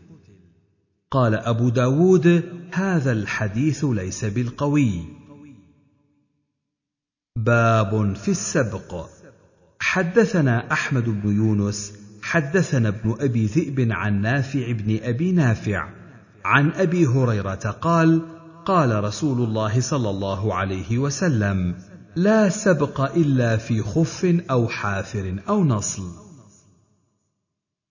حدثنا عبد الله بن مسلمة القعنبي عن مالك عن نافع عن عبد الله بن عمر أن رسول الله صلى الله عليه وسلم سابق بين الخيل التي قد أضمرت من الحفياء وكان أمدها ثنية الوداع وسابق بين الخيل التي لم تضمر من الثنية إلى مسجد بني زريق وأن عبد الله كان ممن سابق بها. حدثنا مسدد حدثنا المعتمر عن عبيد الله عن نافع عن ابن عمر أن نبي الله صلى الله عليه وسلم كان يضمر الخيل يسابق بها. حدثنا أحمد بن حنبل حدثنا عقبة بن خالد عن عبيد الله عن نافع عن ابن عمر أن النبي صلى الله عليه وسلم سبق بين الخيل وفضل القرح في الغاية. باب في السبق على الرجل. حدثنا أبو صالح الأنطاكي محبوب بن موسى. أخبرنا أبو إسحاق الفزاري عن هشام بن عروة عن أبيه وعن أبي سلمة عن عائشة أنها كانت مع النبي صلى الله عليه وسلم في سفر. قالت فسابقته فسبقته على رجلي فلما حملت اللحم سابقته فسبقني فقال هذه بتلك السبقة. باب في المحلل. حدثنا مسدد حدثنا حسين بن نمير حدثنا سفيان بن حسين حا وحدثنا علي بن مسلم حدثنا عباد بن العوام. أخبرنا سفيان بن حسين المعنى عن الزهري عن سعيد بن المسيب عن أبي هريرة عن النبي صلى الله عليه وسلم قال من أدخل فرسا بين فرسين يعني وهو لا يؤمن أن يسبق فليس بقمار. ومن أدخل فرسا بين فرسين وقد أمن أن يسبق فهو قمار. حدثنا محمود بن خالد حدثنا الوليد بن مسلم عن سعيد بن بشير عن الزهري بإسناد عباد ومعناه. قال أبو داود رواه معمر وشعيب وعقيل عن الزهري عن رجال من أهل العلم وهذا أصح عندنا. باب في الجلب على الخيل في السباق. حدثنا يحيى بن خلف حدثنا عبد الوهاب بن عبد المجيد حدثنا عنبسة حا وحدثنا مسدد حدثنا بشر بن المفضل عن حميد الطويل جميعا عن الحسن عن عمران بن حسين عن النبي صلى الله عليه وسلم قال لا جلب ولا جنب زاد يحيى في حديثه في الرهان. حدثنا ابن المثنى حدثنا عبد الأعلى عن سعيد عن قتادة قال الجلب والجنب في الرهان. باب في السيف يحلى.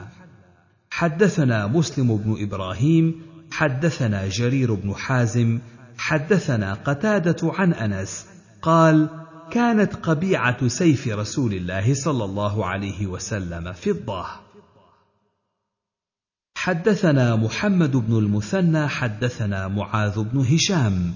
حدثني أبي عن قتادة عن سعيد بن أبي الحسن قال كانت قبيعة سيف رسول الله صلى الله عليه وسلم فضة. قال قتادة وما علمت أحدا تابعه على ذلك. حدثنا محمد بن بشار حدثني يحيى بن كثير أبو غسان العنبري عن عثمان بن سعد عن أنس بن مالك قال كان فذكر مثله. قال أبو داود أقوى هذه الأحاديث حديث سعيد بن أبي الحسن والباقية ضعاف. باب في النبل يدخل في المسجد. حدثنا قتيبة بن سعيد حدثنا الليث عن أبي الزبير عن جابر عن رسول الله صلى الله عليه وسلم أنه أمر رجلا كان يتصدق بالنبل في المسجد الا يمر بها إلا وهو آخذ بنصولها. حدثنا محمد بن العلاء حدثنا أبو أسامة عن بريد عن أبي بردة عن أبي موسى عن رسول الله صلى الله عليه وسلم قال إذا مر أحدكم في مسجدنا أو في سوقنا ومعه نبل فليمسك على نصالها أو قال فليقبض كفه أو قال فليقبض بكفه أن تصيب أحدا من المسلمين. باب في النهي أن يتعاطى السيف مسلولا. حدثنا موسى بن إسماعيل حدثنا حماد عن أبي الزبير عن جابر أن النبي صلى الله عليه وسلم نهى أن يتعاطى السيف مسلولا. باب النهي أن يقد السير بين إصبعين. حدثنا محمد بن بشار حدثنا قريش بن أنس. حدثنا أشعث عن الحسن عن سمرة بن جندب أن رسول الله صلى الله عليه وسلم نهى أن يقد السير بين إصبعين. باب في لبس الدروع. حدثنا مسدد حدثنا سفيان قال حسبت أني سمعت يزيد بن خصيفة يذكر عن السائب بن يزيد عن رجل قد سماه أن رسول الله صلى الله عليه وسلم ظاهر يوم أحد بين درعين أو لبس درعين. باب في الرايات والألوية. حدثنا إبراهيم بن موسى الرازي أخبرنا ابن أبي زائدة أخبرنا أبو يعقوب الثقفي حدثني يونس بن عبيد مولى محمد بن القاسم قال بعثني محمد بن القاسم إلى البراء بن عازب يسأله عن راية رسول الله صلى الله عليه وسلم ما كانت؟ فقال كانت سوداء مربعة من نمرة. حدثنا إسحاق بن إبراهيم المروزي وهو ابن راهويه. حدثنا يحيى بن آدم. حدثنا شريك عن عمار الدهني. عن أبي الزبير عن جابر يرفعه إلى النبي صلى الله عليه وسلم أنه كان لواه يوم دخل مكة أبيض. حدثنا عقبة بن مكرم. حدثنا سلم بن قتيبة الشعيري. عن شعبة عن سماك عن رجل من قومه عن آخر منهم قال رأيت راية رسول الله صلى الله عليه وسلم صفراء. باب في الانتصار برذل الخيل والضعفة. حدثنا مؤمل بن الفضل الحراني حدثنا الوليد حدثنا ابن جابر عن زيد بن أرطاة الفزاري عن جبير بن نفير الحضرمي أنه سمع أبا الدرداء يقول سمعت رسول الله صلى الله عليه وسلم يقول أبغوني الضعفاء فإنما ترزقون وتنصرون بضعفائكم. قال أبو داود زيد بن أرطاه أخو عدي بن أرطاه. باب في الرجل ينادي بالشعار.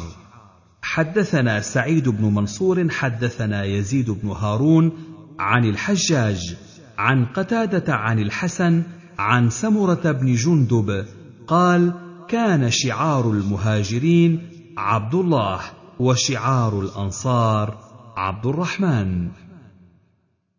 حدثنا هناد عن ابن المبارك عن عكرمة بن عمار عن إياس بن سلمة عن أبيه قال غزونا مع أبي بكر رضي الله عنه زمن رسول الله صلى الله عليه وسلم فكان شعارنا أمت أمت. حدثنا محمد بن كثير أخبرنا سفيان عن أبي إسحاق عن المهلب بن أبي صفرة قال أخبرني من سمع النبي صلى الله عليه وسلم يقول إن بيتم فليكن شعاركم حاميم. لا ينصرون. باب ما يقول الرجل إذا سافر. حدثنا مسدد حدثنا يحيى حدثنا محمد بن عجلان. حدثني سعيد المقبوري عن أبي هريرة قال كان رسول الله صلى الله عليه وسلم إذا سافر قال اللهم أنت الصاحب في السفر والخليفة في الأهل. اللهم إني أعوذ بك من وعثاء السفر وكآبة المنقلب وسوء المنظر في الأهل والمال. اللهم اطوي لنا الأرض وهون علينا السفر. حدثنا الحسن بن علي حدثنا عبد الرزاق أخبرني ابن جريج أخبرني أبو الزبير أن عليا الأزدي أخبره أن ابن عمر علمه أن رسول الله صلى الله عليه وسلم كان إذا استوى على بعيره خارجا إلى سفر كبر ثلاثا ثم قال سبحان الذي سخر لنا هذا وما كنا له مقرنين وإنا إلى ربنا لمنقلبون. اللهم إني أسألك في سفرنا هذا البر والتقوى ومن العمل ما ترضى. اللهم هون علينا سفرنا هذا. اللهم اطوي لنا البعد. اللهم أنت الصاحب في السفر والخليفة في الأهل والمال. وإذا رجع قالهن وزاد فيهن آئبون تائبون عابدون لربنا حامدون.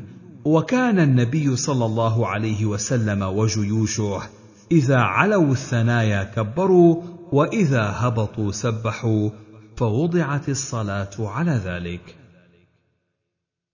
باب في الدعاء عند الوداع.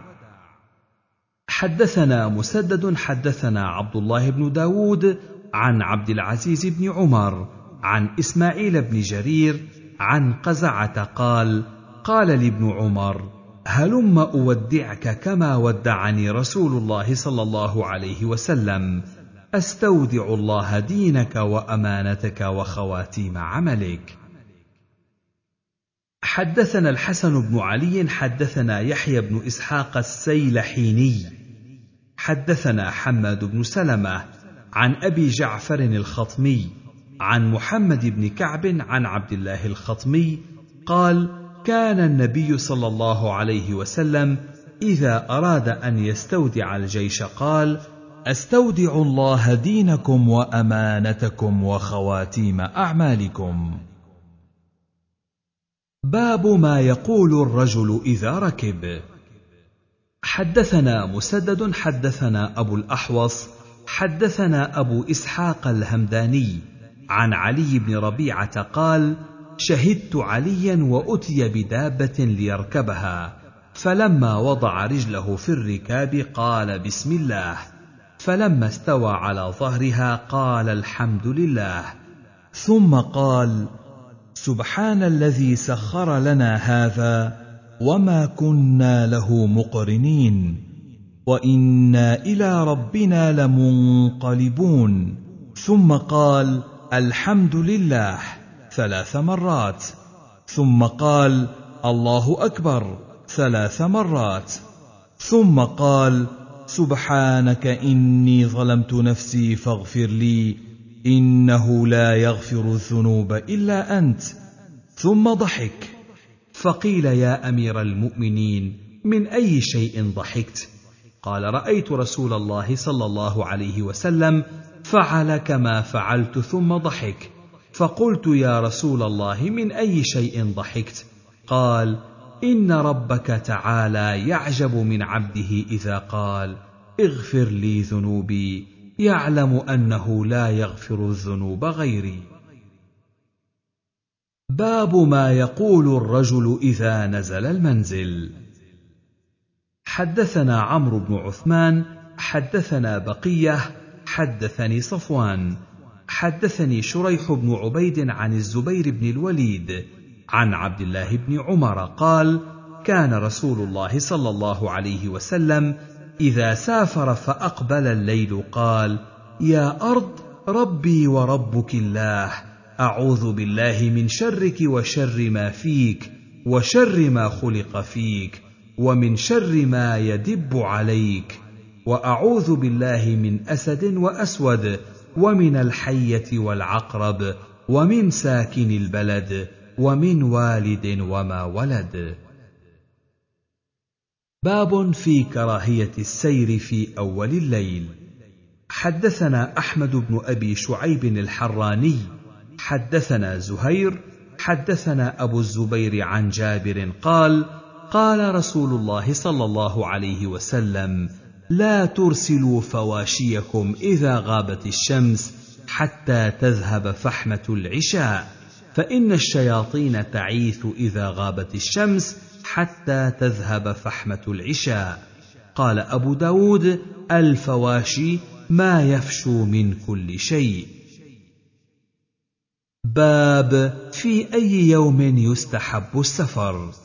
حدثنا سعيد بن منصور حدثنا عبد الله بن المبارك عن يونس بن يزيد عن الزهري عن عبد الرحمن بن كعب بن مالك عن كعب بن مالك قال قلما كان رسول الله صلى الله عليه وسلم يخرج في سفر إلا يوم الخميس. باب في الابتكار في السفر. حدثنا سعيد بن منصور حدثنا هشيم حدثنا يعلى بن عطاء حدثنا عمارة بن حديد عن صخر الغامدي عن النبي صلى الله عليه وسلم اللهم بارك لأمتي في بكورها. وكان إذا بعث سرية أو جيشا بعثها من أول النهار. وكان صخر رجلا تاجرا. وكان يبعث تجارته من أول النهار فأثرى وكثر ماله. قال أبو داود وهو صخر بن وداعة. باب في الرجل يسافر وحده.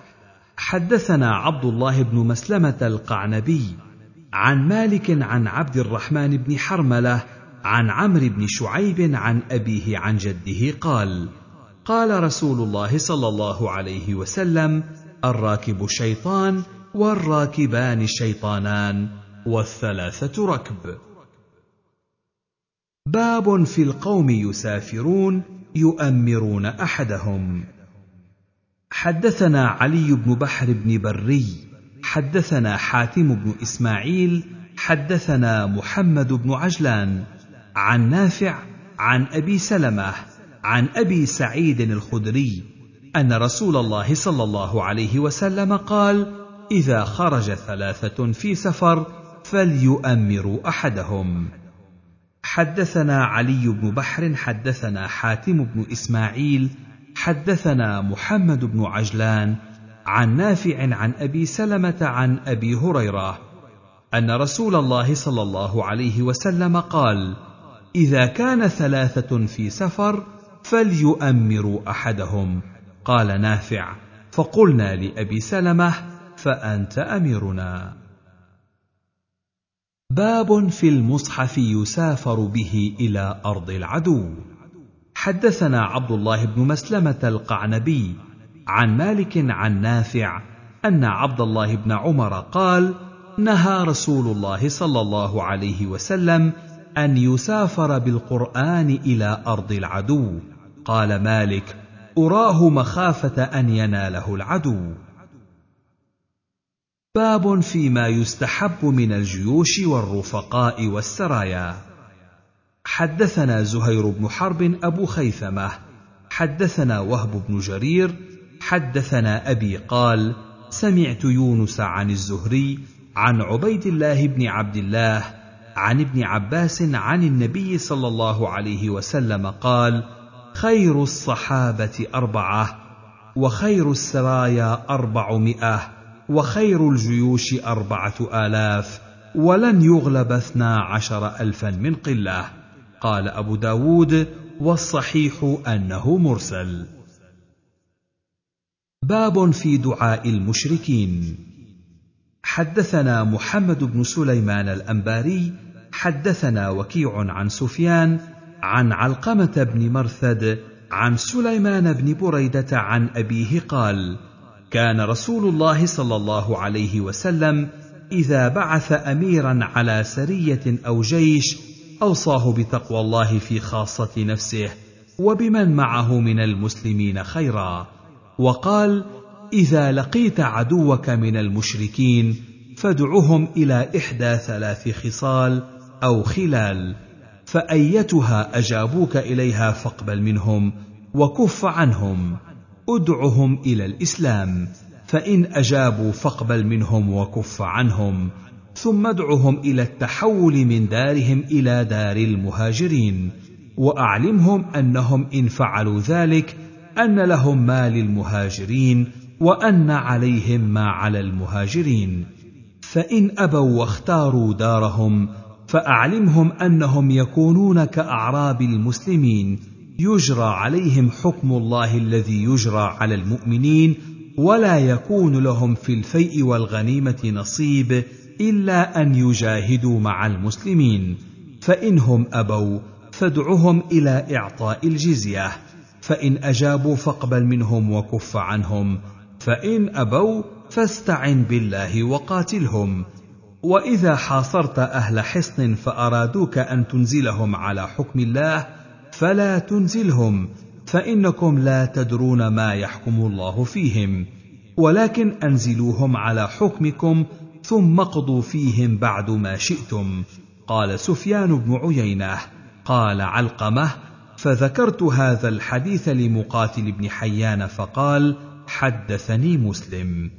قال أبو داود هو ابن هيصم عن النعمان بن مقر عن النبي صلى الله عليه وسلم مثل حديث سليمان بن بريدة. حدثنا أبو صالح الأنطاكي محبوب بن موسى. حدثنا أبو إسحاق الفزاري عن سفيان عن علقمة بن مرثد عن سليمان بن بريدة عن أبيه أن النبي صلى الله عليه وسلم قال أغزوا بسم الله وفي سبيل الله وقاتلوا من كفر بالله. أغزوا ولا تغدروا ولا تغلوا ولا تمثلوا ولا تقتلوا وليدا. حدثنا عثمان بن أبي شيبة حدثنا يحيى بن آدم وعبيد الله بن موسى عن حسن بن صالح عن خالد بن الفزر.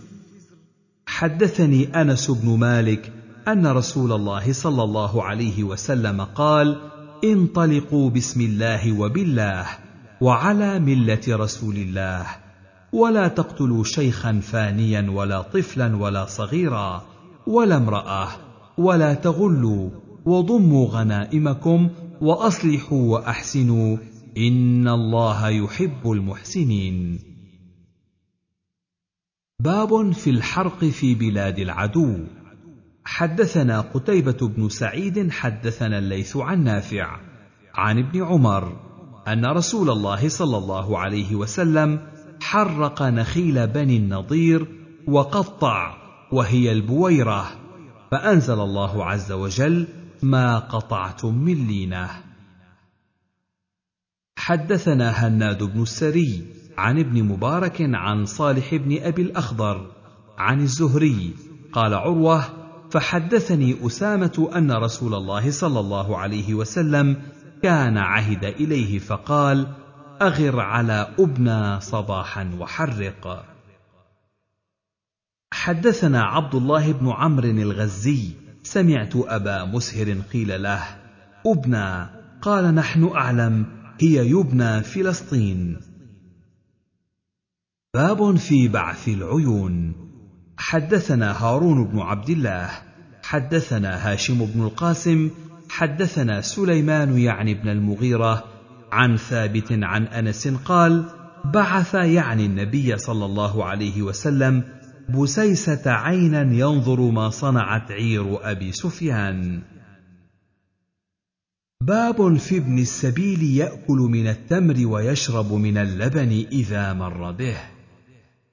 حدثنا عياش بن الوليد الرقام حدثنا عبد الأعلى حدثنا سعيد عن قتادة عن الحسن عن سمرة بن جندب أن نبي الله صلى الله عليه وسلم قال إذا أتى أحدكم على ماشية فإن كان فيها صاحبها فليستأذنه فإن أذن له فليحتلب وليشرب وإن لم يكن فيها فليصوت ثلاثا فإن أجابه فليستأذنه وإلا فليحتلب وليشرب ولا يحمل. حدثنا عبيد الله بن معاذ العنبري حدثنا أبي حدثنا شعبة عن أبي بشر عن عباد بن شرحبيل قال أصابني سنه فدخلت حائطا من حيطان المدينة ففركت سنبلا فأكلت وحملت في ثوبي فجاء صاحبه فضربني وأخذ ثوبي فأتيت رسول الله صلى الله عليه وسلم فقال له ما علمت إذ كان جاهلا؟ ولا أطعمت إذ كان جائعا. أو قال ساغبا. وأمر فرد علي ثوبي وأعطاني وسقا أو نصف وسق من طعام. حدثنا محمد بن بشار حدثنا محمد بن جعفر عن شعبة عن أبي بشر. قال سمعت عباد بن شرحبيل رجلا منا من بني غبر بمعناه. باب من قال إنه يأكل مما سقط. حدثنا عثمان وأبو بكر بن أبي شيبة وهذا لفظ أبي بكر. عن معتمر بن سليمان قال سمعت ابن أبي حكم الغفاري يقول حدثتني جدتي عن عم أبي رافع بن عمرو الغفاري قال كنت غلاما أرمي نخل الأنصار. فأتي بي النبي صلى الله عليه وسلم فقال يا غلام لم ترمي النخل؟ قال آكل. قال فلا ترمي النخل وكل ما يسقط في أسفلها. ثم مسح رأسه فقال اللهم أشبع بطنه. باب في من قال لا يحلب. حدثنا عبد الله بن مسلمة عن مالك عن نافع عن ابن عمر أن رسول الله صلى الله عليه وسلم قال لا يحلبن أحد ماشية أحد بغير إذنه. أيحب أحدكم أن تؤتى مشربته فتكسر خزانته فينتثل طعامه فإنما تخزن لهم ضروع مواشيهم أطعمتهم. فلا يحلبن أحد ماشية أحد إلا بإذنه. باب في الطاعة. حدثنا زهير بن حرب حدثنا حجاج قال قال ابن جريج يا أيها الذين آمنوا أطيعوا الله وأطيعوا الرسول وأولي الأمر منكم. في عبد الله بن قيس بن عدي بعثه النبي صلى الله عليه وسلم في سرية أخبرنيه يعلى عن سعيد بن جبير عن ابن عباس. حدثنا عمرو بن مرزوق أخبرنا شعبة عن زبيد عن سعد بن عبيدة عن أبي عبد الرحمن السلمي عن علي أن رسول الله صلى الله عليه وسلم بعث جيشا وأمر عليهم رجلا وأمرهم أن يسمعوا له ويطيعوا فأجج نارا وأمرهم أن يقتحموا فيها فأبى قوم أن يدخلوها وقالوا إنما فررنا من النار. وأراد قوم أن يدخلوها فبلغ ذلك النبي صلى الله عليه وسلم فقال لو دخلوها أو دخلوا فيها لم يزالوا فيها وقال لا طاعة في معصية الله إنما الطاعة في المعروف حدثنا مسدد حدثنا يحيى عن عبيد الله حدثني نافع عن عبد الله عن رسول الله صلى الله عليه وسلم أنه قال السمع والطاعة على المرء المسلم فيما أحب وكره ما لم يؤمر بمعصية فإذا أمر بمعصية فلا سمع ولا طاعة.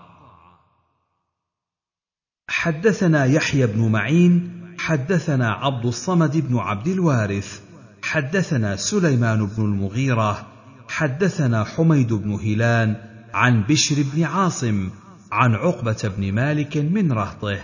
قال بعث النبي صلى الله عليه وسلم سرية فسلحت رجلا منهم سيفا. فلما رجع قال لو رأيت ما لامنا رسول الله صلى الله عليه وسلم. قال أعجزتم إذا بعثت رجلا منكم فلم يمض لأمري أن تجعلوا مكانه من يمضي لأمري؟ باب ما يؤمر من انضمام العسكر وسعته. حدثنا عمرو بن عثمان الحمصي ويزيد بن قبيس من أهل جبلة ساحل حمص وهذا لفظ يزيد. قال حدثنا الوليد بن مسلم عن عبد الله بن العلاء أنه سمع مسلم بن مشكم أبا عبيد الله يقول حدثنا أبو ثعلبة الخشني قال كان الناس إذا نزلوا منزلا؟ قال عمرو وكان الناس إذا نزل رسول الله صلى الله عليه وسلم منزلا؟ تفرقوا في الشعاب والأودية. فقال رسول الله صلى الله عليه وسلم إن تفرقكم في هذه الشعاب والأودية إنما ذلكم من الشيطان. فلم ينزل بعد ذلك منزلا إلا انضم بعضهم إلى بعض حتى يقال لو بسط عليهم ثوب لعمهم. حدثنا سعيد بن منصور حدثنا إسماعيل بن عياش عن أسيد بن عبد الرحمن الخثعمي عن فروة بن مجاهد اللخمي عن سهل بن معاذ بن أنس الجهني عن أبيه قال غزوت مع نبي الله صلى الله عليه وسلم غزوة كذا وكذا. فضيق الناس المنازل وقطعوا الطريق. فبعث النبي صلى الله عليه وسلم مناديا ينادي في الناس أن من ضيق منزلا أو قطع طريقا فلا جهاد له. حدثنا عمرو بن عثمان حدثنا بقية عن الأوزاعي عن أسيد بن عبد الرحمن عن فروة بن مجاهد عن سهل بن معاذ عن أبيه قال غزونا مع نبي الله صلى الله عليه وسلم بمعناه. باب في كراهية تمني لقاء العدو. حدثنا أبو صالح محبوب بن موسى أخبرنا أبو إسحاق الفزاري عن موسى بن عقبة عن سالم أبي النضر مولى عمر بن عبيد الله يعني ابن معمر وكان كاتبا له. قال كتب إلي عبد الله بن أبي أوفى حين خرج إلى الحرورية. إن رسول الله صلى الله عليه وسلم في بعض أيامه التي لقي فيها العدو قال يا أيها الناس لا تتمنوا لقاء العدو وسلوا الله العافية. فإذا لقيتموهم فاصبروا واعلموا أن الجنة تحت ظلال السيوف. ثم قال اللهم منزل الكتاب مجري السحاب وهازم الأحزاب اهزمهم وانصرنا عليهم. باب ما يدعى عند اللقاء. حدثنا نصر بن علي أخبرني أبي. حدثنا المثنى بن سعيد عن قتادة عن أنس بن مالك قال كان رسول الله صلى الله عليه وسلم إذا غزا قال اللهم أنت عضدي ونصيري بك أحول وبك أصول وبك أقاتل. باب في دعاء المشركين. حدثنا سعيد بن منصور حدثنا إسماعيل بن إبراهيم أخبرنا ابن عون قال كتبت إلى نافع أسأله عن دعاء المشركين عند القتال فكتب إلي أن ذلك كان في أول الإسلام وقد أغار نبي الله صلى الله عليه وسلم على بني المصطلق وهم غارون وأنعامهم تسقى على الماء فقتل مقاتلتهم وسبى سبيهم وأصاب يومئذ جويرية بنت الحارث حدثني بذلك عبد الله وكان في ذلك الجيش. قال أبو داود هذا حديث نبيل رواه ابن عون عن نافع ولم يشركه فيه أحد. حدثنا موسى بن إسماعيل حدثنا حماد أخبرنا ثابت عن أنس أن النبي صلى الله عليه وسلم كان يغير عند صلاة الصبح وكان يتسمع فإذا سمع أذانا أمسك وإلا أغار. حدثنا سعيد بن منصور حدثنا سفيان عن عبد الملك بن نوفل ابن مساحق عن ابن عصام المزني عن أبيه قال بعثنا رسول الله صلى الله عليه وسلم في سرية فقال إذا رأيتم مسجدا أو سمعتم مؤذنا فلا تقتلوا أحدا. باب المكر في الحرب. حدثنا سعيد بن منصور حدثنا سفيان عن عمرو أنه سمع جابرا أن رسول الله صلى الله عليه وسلم قال الحرب خدعة. حدثنا محمد بن عبيد حدثنا ابن ثور عن معمر عن الزهري عن عبد الرحمن بن كعب بن مالك عن أبيه أن النبي صلى الله عليه وسلم كان إذا أراد غزوة ورى غيرها وكان يقول الحرب خدعة. قال أبو داود لم يجئ به إلا معمر يريد قوله الحرب خدعة بهذا الإسناد. إنما يروى من حديث عمرو بن دينار عن جابر ومن حديث معمر عن همام بن منبه عن أبي هريرة. باب في البيات.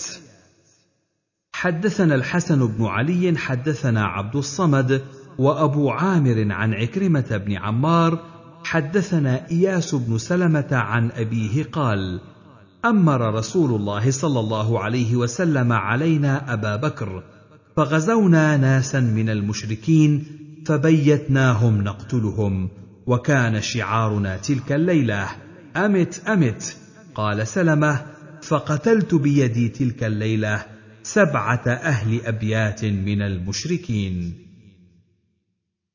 باب لزوم الساقة. حدثنا الحسن بن شوكر حدثنا إسماعيل بن علية حدثنا الحجاج بن أبي عثمان عن أبي الزبير أن جابر بن عبد الله حدثهم قال كان رسول الله صلى الله عليه وسلم يتخلف في المسير فيزجي الضعيف ويردف ويدعو لهم. باب على ما يقاتل المشركون.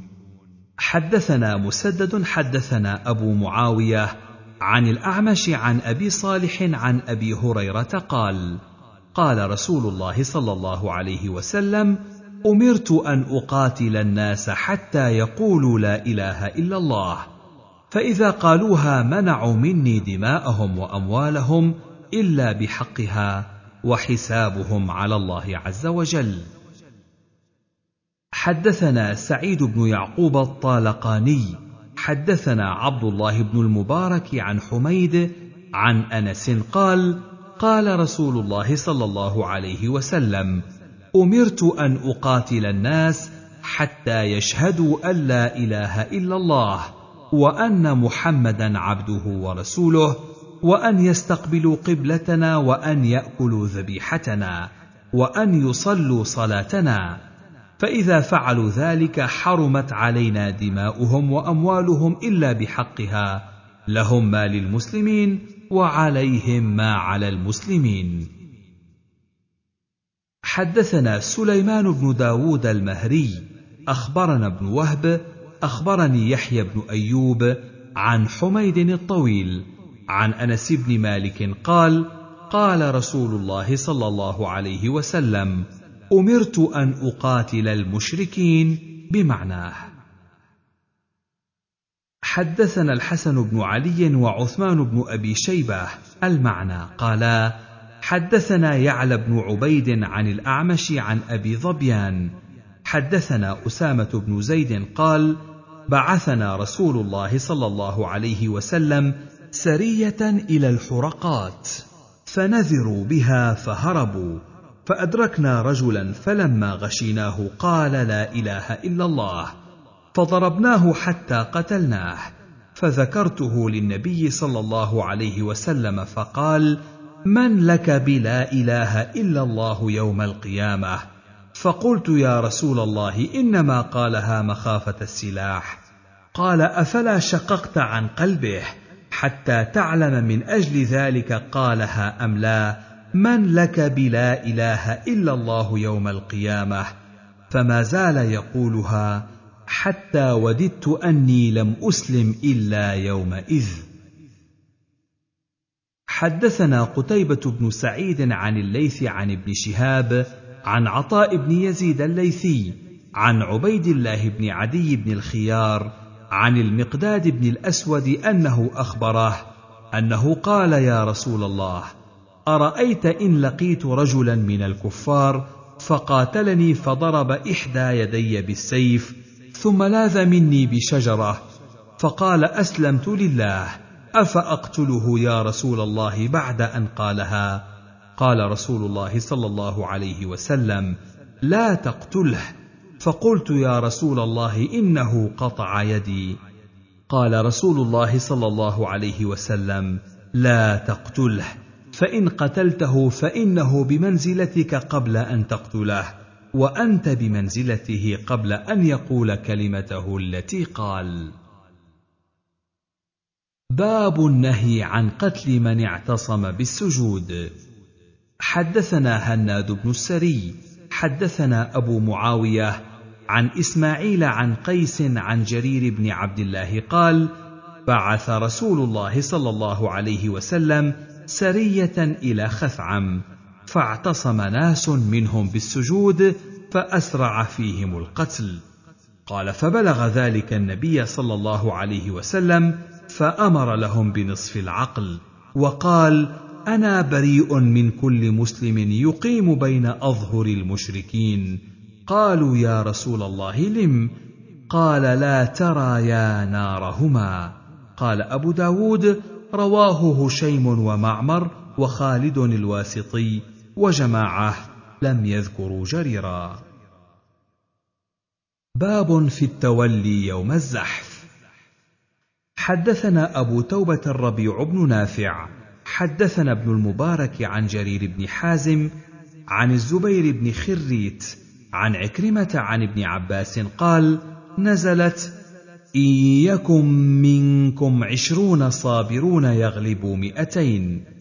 فشق ذلك على المسلمين حين فرض الله عليهم ألا يفر واحد من عشره. ثم إنه جاء تخفيف فقال الآن خفف الله عنكم.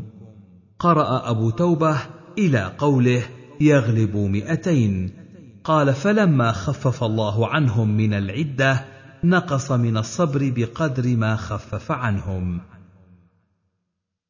حدثنا أحمد بن يونس حدثنا زهير حدثنا يزيد بن أبي زياد أن عبد الرحمن بن أبي ليلى حدثه أن عبد الله بن عمر حدثه أنه كان في سرية من سرايا رسول الله صلى الله عليه وسلم. قال فحاص الناس حيصه فكنت في من حاص فلما برزنا قلنا كيف نصنع وقد فررنا من الزحف وبؤنا بالغضب؟ فقلنا ندخل المدينة فنثبت فيها لنذهب ولا يرانا أحد. قال فدخلنا فقلنا لو عرضنا أنفسنا على رسول الله صلى الله عليه وسلم فإن كانت لنا توبة أقمنا وإن كان غير ذلك ذهبنا. قال فجلسنا لرسول الله صلى الله عليه وسلم قبل صلاة الفجر فلما خرج قمنا إليه فقلنا نحن الفرارون فأقبل إلينا فقال لا بل أنتم العكارون قال فدنونا فقبلنا يده فقال أنا فئة المسلمين حدثنا محمد بن هشام المصري حدثنا بشر بن المفضل حدثنا داود عن أبي نضرة عن أبي سعيد قال نزلت في يوم بدر ومن يولهم يومئذ دبره. بسم الله الرحمن الرحيم. أخبرنا الإمام الحافظ أبو بكر أحمد بن علي بن ثابت الخطيب البغدادي. قال الإمام القاضي أبو عمرو القاسم بن جعفر بن عبد الواحد الهاشمي. قال أخبرنا أبو علي محمد بن أحمد بن عمرو اللؤلؤي. قال حدثنا أبو داود سليمان بن الأشعث السجستاني في المحرم سنة خمس وسبعين ومائتين رحمه الله تعالى. قال باب في الأسير يكره على الكفر. حدثنا عمرو بن عون قال أخبرنا هشيم وخالد عن إسماعيل عن قيس بن أبي حازم عن خباب قال أتينا رسول الله صلى الله عليه وسلم وهو متوسد بردة في ظل الكعبة فشكونا إليه فقلنا ألا تستنصر لنا؟ ألا تدعو الله لنا؟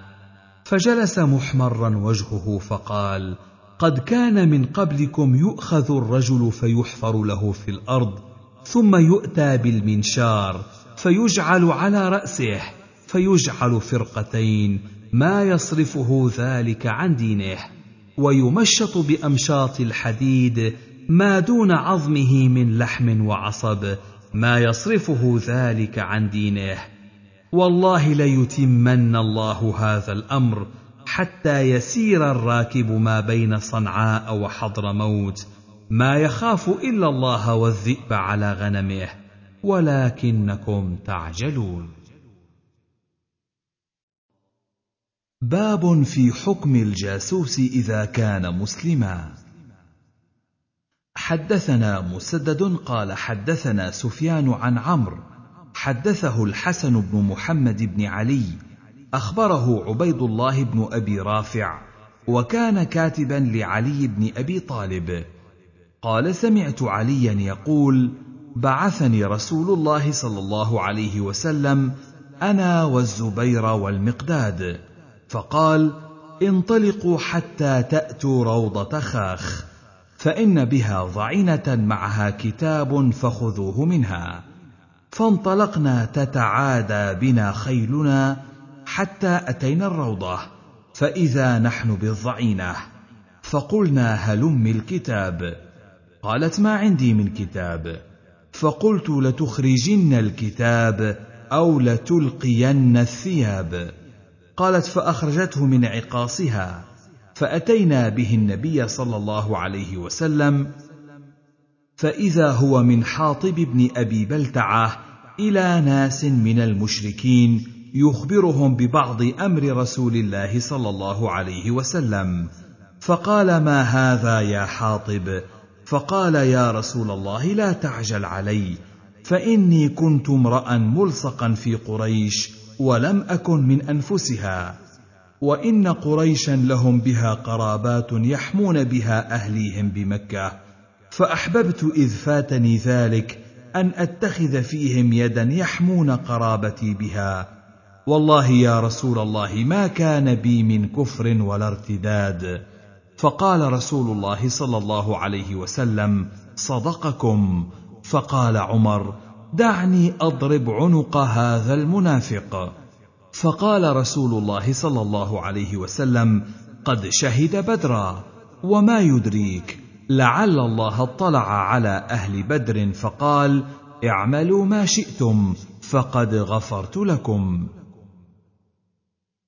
حدثنا وهب بن بقية عن خالد عن حسين عن سعد بن عبيدة عن أبي عبد الرحمن السلمي عن علي بهذه القصة. قال انطلق حاطب فكتب إلى أهل مكة أن محمدا قد سار إليكم وقال فيه قالت ما معي كتاب فأنخناها فما وجدنا معها كتابا. فقال علي والذي يحلف به لأقتلنك أو لتخرجن الكتاب. وساق الحديث. باب في الجاسوس الذمي. حدثنا محمد بن بشار قال حدثني محمد بن محبب أبو همام الدلال. قال حدثنا سفيان بن سعيد عن أبي إسحاق عن حارثة بن مضرب عن فرات بن حيان أن رسول الله صلى الله عليه وسلم أمر بقتله وكان عينا لأبي سفيان وكان حليفا لرجل من الأنصار فمر بحلقة من الأنصار فقال إني مسلم فقال رجل من الأنصار يا رسول الله إنه يقول إني مسلم فقال رسول الله صلى الله عليه وسلم إن منكم رجالا لا نكلهم إلى إيمانهم منهم فرات بن حيان. باب في الجاسوس المستأمن. حدثنا الحسن بن علي قال حدثنا أبو نعيم قال حدثنا أبو عميس عن ابن سلمة بن الأكوع عن أبيه قال أتى النبي صلى الله عليه وسلم عين من المشركين وهو في سفر فجلس عند أصحابه ثم انسل فقال النبي صلى الله عليه وسلم اطلبوه فاقتلوه. قال فسبقتهم إليه فقتلته وأخذت سلبه فنفلني إياه. حدثنا هارون بن عبد الله أن هاشم بن القاسم وهشاما حدثاهم قالا حدثنا عكرمة قال حدثني إياس بن سلمة قال حدثني أبي قال غزوت مع رسول الله صلى الله عليه وسلم هوازن قال فبينما نحن نتضحى وعامتنا مشاة وفينا ضعفة إذ جاء رجل على جمل أحمر.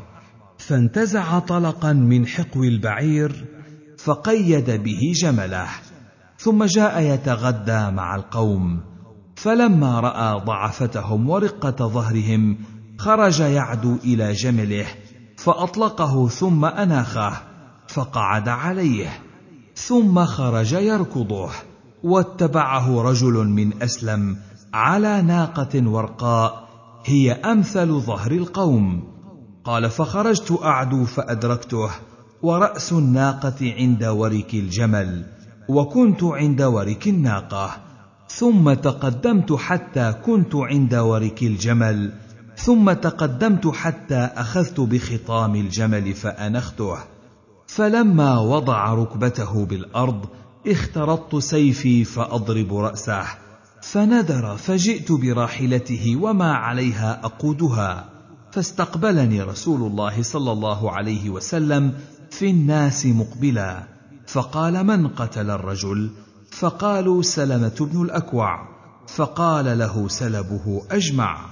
قال هارون هذا لفظ هاشم. باب في أي وقت يستحب اللقاء؟ حدثنا موسى بن إسماعيل قال حدثنا حماد قال أخبرنا أبو عمران الجوني عن علقمة بن عبد الله المزني عن معقل بن يسار أن النعمان يعني ابن مقرن قال شهدت رسول الله صلى الله عليه وسلم إذا لم يقاتل من أول النهار أخر القتال حتى تزول الشمس وتهب الرياح وينزل النصر. باب فيما يؤمر به من الصمت عند اللقاء. حدثنا مسلم بن إبراهيم قال حدثنا هشام حا وحدثنا عبيد الله بن عمر حدثنا عبد الرحمن بن مهدي حدثنا هشام حدثنا قتادة عن الحسن عن قيس بن عباد قال كان أصحاب النبي صلى الله عليه وسلم يكرهون الصوت عند القتال. حدثنا عبيد الله بن عمر قال حدثنا عبد الرحمن عن همام قال حدثني مطر عن قتادة عن أبي بردة عن أبيه عن النبي صلى الله عليه وسلم بمثل ذلك. باب في الرجل يترجل عند اللقاء. حدثنا عثمان بن أبي شيبة قال حدثنا وكيع عن إسرائيل عن أبي إسحاق عن البراء قال لما لقي النبي صلى الله عليه وسلم المشركين يوم حنين فانكشفوا نزل عن بغلته فترجل. باب في الخيلاء في الحرب. حدثنا مسلم بن إبراهيم وموسى بن إسماعيل المعنى واحد. قال حدثنا أبان قال حدثنا يحيى عن محمد بن إبراهيم عن ابن جابر بن عتيك عن جابر بن عتيك أن نبي الله صلى الله عليه وسلم كان يقول من الغيرة ما يحب الله ومنها ما يبغض الله. فأما التي يحبها الله عز وجل فالغيرة في الربا وأما التي يبغضها الله فالغيرة في غير ريبه وإن من الخيلاء ما يبغض الله ومنها ما يحب الله. فأما الخيلاء التي يحب الله فاختيال الرجل نفسه عند القتال واختياله عند الصدقة. وأما التي يبغض الله عز وجل فاختياله في البغي. قال موسى والفخر. باب في الرجل يستأسر. حدثنا موسى بن إسماعيل قال حدثنا إبراهيم يعني بن سعد قال أخبرنا ابن شهاب قال أخبرني عمرو بن جارية الثقفي حليف بني زهرة عن أبي هريرة عن النبي صلى الله عليه وسلم قال بعث النبي صلى الله عليه وسلم عشرة عينا وأمر عليهم عاصم بن ثابت فنفروا لهم هذيل بقريب من مئة رجل رام. فلما أحس بهم عاصم لجأوا إلى قردد فقالوا لهم انزلوا فأعطوا بأيديكم ولكم العهد والميثاق ألا نقتل منكم أحدا. فقال عاصم أما أنا فلا أنزل في ذمة كافر. فرموهم بالنبل فقتلوا عاصما في سبعة نفر. ونزل إليهم ثلاثة نفر على العهد والميثاق. منهم خبيب وزيد بن الدثنة ورجل آخر. فلما استمكنوا منهم أطلقوا أوتار قسيهم فربطوهم بها. قال الرجل الثالث هذا أول الغدر والله لا أصحبكم إن لي بهؤلاء لأسوة. فجروه فأبى أن يصحبهم فقتلوه. فلبث خبيب أسيرا حتى أجمعوا قتله. فاستعار موسى يستحد بها. فلما خرجوا به ليقتلوه قال لهم خبيب دعوني أركع ركعتين. ثم قال والله لولا أن تحسبوا ما بي جزعا لزدت. حدثنا ابن عوف حدثنا أبو اليمان أخبرنا شعيب عن الزهري. قال أخبرني عمرو بن أبي سفيان بن أسيد بن جارية الثقفي وهو حليف لبني زهرة وكان من أصحاب أبي هريرة فذكر الحديث. باب في الكمناء. حدثنا عبد الله بن محمد النفيلي حدثنا زهير قال حدثنا أبو إسحاق قال سمعت البراء يحدث قال جعل رسول الله صلى الله عليه وسلم على الرماة يوم أحد وكانوا خمسين رجلا. عبد الله بن جبير وقال إن رأيتمونا تخطفنا الطير فلا تبرحوا من مكانكم هذا حتى أرسل إليكم.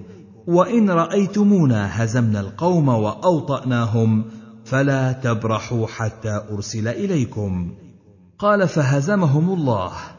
قال فأنا والله رأيت النساء يسندن على الجبل.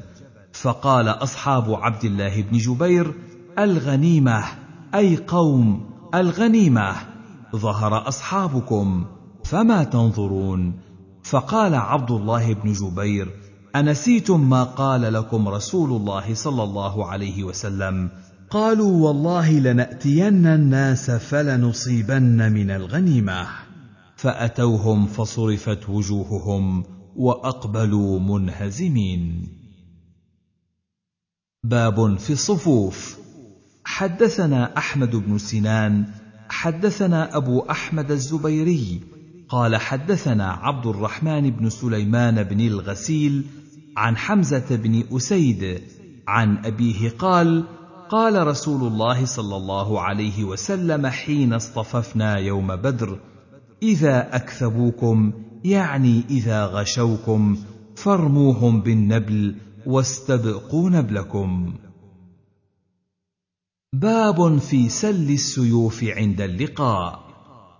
حدثنا محمد بن عيسى قال حدثنا إسحاق بن نجيح وليس بالملطي عن مالك بن حمزة بن أبي أسيد الساعدي عن أبيه عن جده قال قال النبي صلى الله عليه وسلم يوم بدر إذا أكثبوكم فارموهم بالنبل ولا تسلوا السيوف حتى يغشوكم. باب في المبارزة. حدثنا هارون بن عبد الله حدثنا عثمان بن عمر حدثنا إسرائيل عن أبي إسحاق عن حارثة بن مضرب عن علي قال تقدم يعني عتبة بن ربيعة وتبعه ابنه وأخوه فنادى من يبارز فانتدب له شباب من الأنصار فقال من أنتم؟ فأخبروه فقال لا حاجة لنا فيكم إنما أردنا بني عمنا. فقال النبي صلى الله عليه وسلم قم يا حمزة قم يا علي قم يا عبيدة بن الحارث. فأقبل حمزة إلى عتبة وأقبلت إلى شيبة واختلف بين عبيدة والوليد ضربتان فأثخن كل واحد منهما صاحبه. ثم ملنا على الوليد فقتلناه واحتملنا عبيدة. باب في النهي عن المثله حدثنا محمد بن عيسى وزياد بن أيوب قال حدثنا هشيم قال أخبرنا مغيرة عن شباك عن إبراهيم عن هني بن نويرة عن علقمة عن عبد الله قال قال رسول الله صلى الله عليه وسلم أعف الناس قتلة أهل الإيمان. حدثنا محمد بن المثنى حدثنا معاذ بن هشام قال حدثني أبي عن قتادة عن الحسن عن الهياج بن عمران أن عمران أبق له غلام فجعل لله عليه لئن قدر عليه ليقطعن يده فأرسلني لأسأل له فأتيت سمرة بن جندب فسألته فقال كان رسول الله صلى الله عليه وسلم يحثنا على الصدقة وينهانا عن المثلة. فأتيت عمران بن حسين فسألته فقال كان رسول الله صلى الله عليه وسلم يحثنا على الصدقة وينهانا عن المثلة. باب في قتل النساء. حدثنا يزيد بن خالد بن موهب وقتيبة يعني بن سعيد. قال حدثنا الليث عن نافع عن عبد الله أن امرأة وجدت في بعض مغازي رسول الله صلى الله عليه وسلم مقتولة فأنكر رسول الله صلى الله عليه وسلم قتل النساء والصبيان. حدثنا أبو الوليد الطيالسي قال حدثنا عمر بن المرقع بن صيفي ابن رباح. قال حدثني أبي عن جده رباح بن ربيع. قال كنا مع رسول الله صلى الله عليه وسلم في غزوة. فرأى الناس مجتمعين على شيء. فبعث رجلا فقال انظر على ما اجتمع هؤلاء. فجاء فقال على امرأة قتيل. فقال ما كانت هذه لتقاتل. قال وعلى المقدمة خالد بن الوليد فبعث رجلا فقال قل لخالد لا تقتلن امرأة ولا عسيفا. حدثنا سعيد بن منصور قال حدثنا هشيم قال حدثنا حجاج قال حدثنا قتادة عن الحسن عن سمرة بن جندب قال قال رسول الله صلى الله عليه وسلم اقتلوا شيوخ المشركين واستبقوا شرخهم. حدثنا عبد الله بن محمد النفيلي قال حدثنا محمد بن سلمة عن محمد بن إسحاق قال حدثني محمد بن جعفر بن الزبير عن عروة بن الزبير عن عائشة قالت لم تقتل من نسائهم تعني بني قريظة إلا امرأة إنها لعندي تحدث تضحك ظهرا وبطنا ورسول الله صلى الله عليه وسلم يقتل رجالهم بالسوق إذ هتف هاتف باسمها. أين فلانة؟ قالت أنا. قلت وما شأنك؟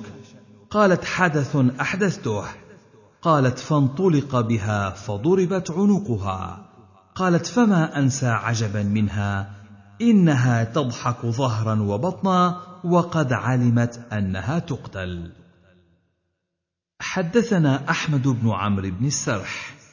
قال حدثنا سفيان عن الزهري عن عبيد الله يعني بن عبد الله عن ابن عباس عن الصعب بن جثامة أنه سأل رسول الله صلى الله عليه وسلم عن الدار من المشركين يبيتون فيصاب من ذراريهم ونسائهم فقال النبي صلى الله عليه وسلم هم منهم.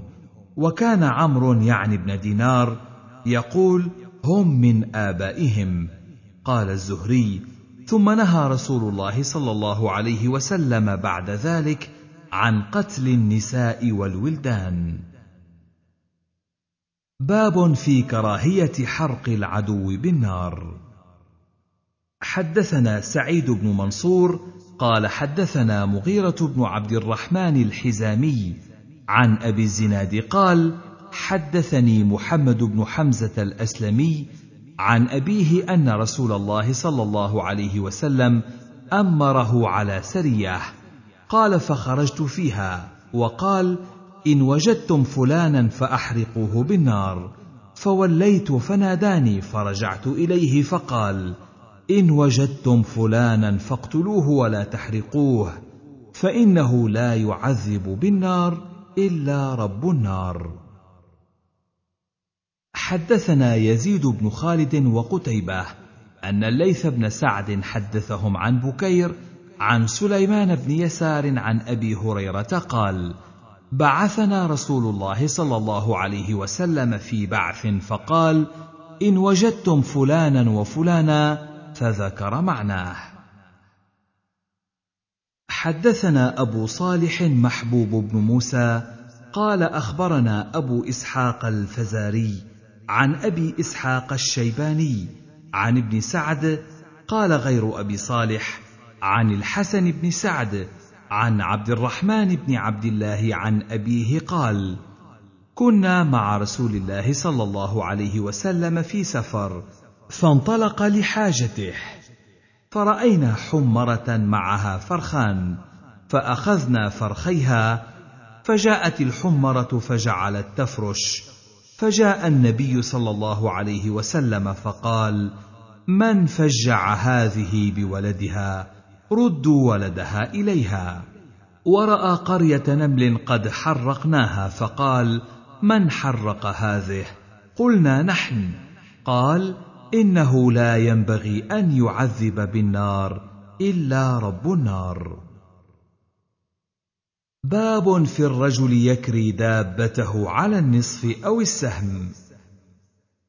حدثنا إسحاق بن إبراهيم الدمشقي أبو النضر قال حدثنا محمد بن شعيب قال أخبرني أبو زرعة يحيى بن أبي عمرو السيباني عن عمرو بن عبد الله أنه حدثه عن واثلة بن الأسقع قال نادى رسول الله صلى الله عليه وسلم في غزوة تبوك فخرجت إلى أهلي فأقبلت وقد خرج أول صحابة رسول الله صلى الله عليه وسلم فطفقت في المدينة أنادي ألا من يحمل رجلا له سهمه؟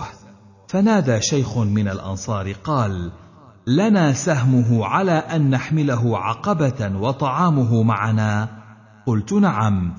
قال فسر على بركة الله تعالى. قال فخرجت مع خير صاحب حتى أفاء الله علينا. فأصابني قلائص. فسقتهن حتى أتيته.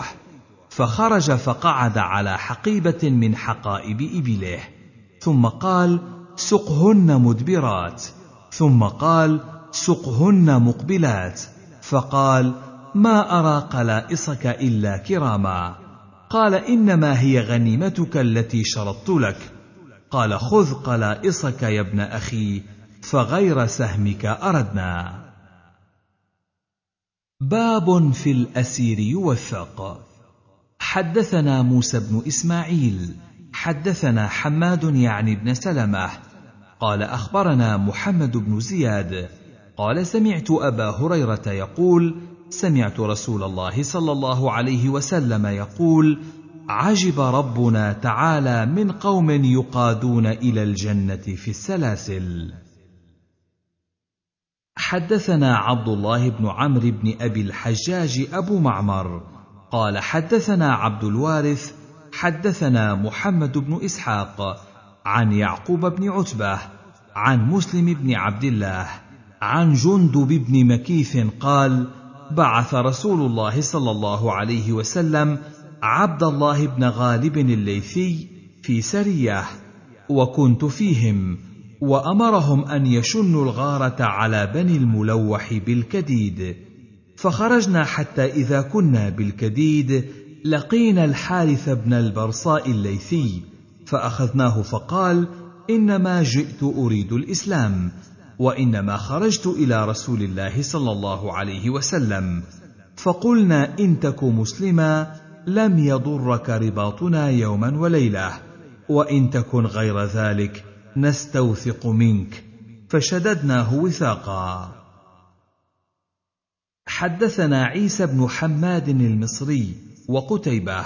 قال قتيبة حدثنا الليث بن سعد عن سعيد بن أبي سعيد أنه سمع أبا هريرة يقول بعث رسول الله صلى الله عليه وسلم خيلا قبل نجد فجاءت برجل من بني حنيفة يقال له ثمامة بن أثال سيد أهل اليمامة فربطوه بسارية من سواري المسجد فخرج إليه رسول الله صلى الله عليه وسلم فقال ماذا عندك يا ثمامة؟ قال عندي يا محمد خير. إن تقتل تقتل ذا دم وإن تنعم تنعم على شاكر. وإن كنت تريد المال فسل تعط منه ما شئت. فتركه رسول الله صلى الله عليه وسلم حتى إذا كان الغد. ثم قال له ما عندك يا ثمامة؟ فأعاد مثل هذا الكلام. فتركه رسول الله صلى الله عليه وسلم حتى كان بعد الغد فذكر مثل هذا. فقال رسول الله صلى الله عليه وسلم اطلقوا ثمامه. فانطلق إلى نخل قريب من المسجد فاغتسل فيه ثم دخل المسجد فقال أشهد أن لا إله إلا الله وأشهد أن محمدا عبده ورسوله. وساق الحديث. قال عيسى أخبرنا الليث وقال ذا ذم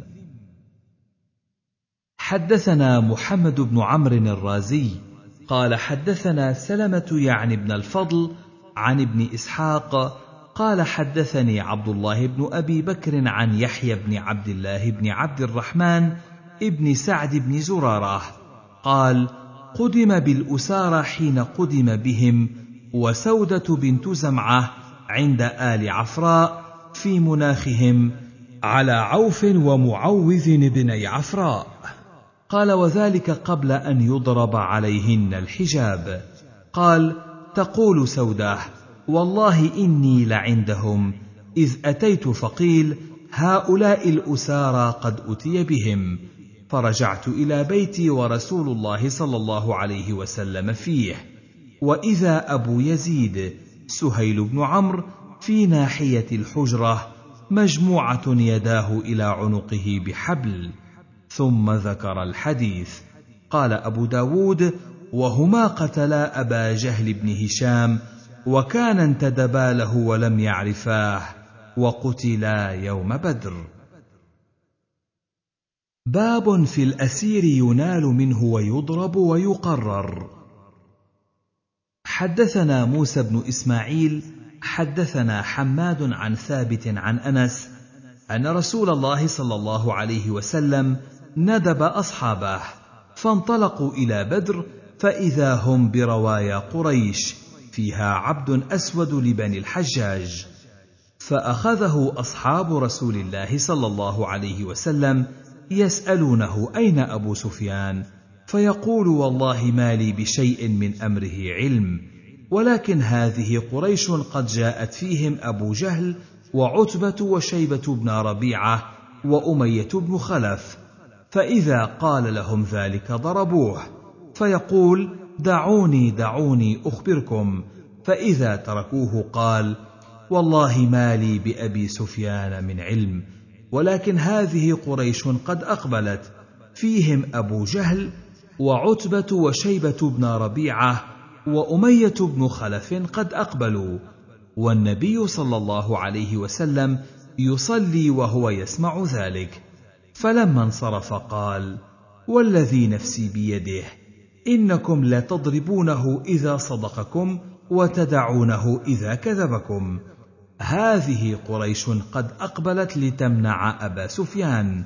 قال أنس قال رسول الله صلى الله عليه وسلم هذا مصرع فلان غدا ووضع يده على الأرض وهذا مصرع فلان غدا ووضع يده على الأرض وهذا مصرع فلان غدا ووضع يده على الأرض. فقال والذي نفسي بيده؟ ما جاوز أحد منهم عن موضع يد رسول الله صلى الله عليه وسلم. فأمر بهم رسول الله صلى الله عليه وسلم فأخذ بأرجلهم فسحبوا فألقوا في قليب بدر. باب في الأسير يكره على الإسلام. حدثنا محمد بن عمر بن علي المقدمي قال حدثنا أشعث بن عبد الله يعني السجستاني حا وحدثنا ابن بشار حدثنا ابن أبي عدي وهذا لفظه. حا. وحدثنا الحسن بن علي حدثنا وهب بن جرير عن شعبة عن أبي بشر عن سعيد بن جبير. عن ابن عباس قال كانت المرأة تكون مقلاتا فتجعل على نفسها إن عاش لها ولد أن تهوده. فلما أجليت بنو النضير كان فيهم من أبناء الأنصار فقالوا لا ندع أبناءنا. فأنزل الله عز وجل لا إكراه في الدين قد تبين الرشد من الغي. قال أبو داود المقلاه التي لا يعيش لها ولد. باب قتل الأسير ولا يعرض عليه الإسلام.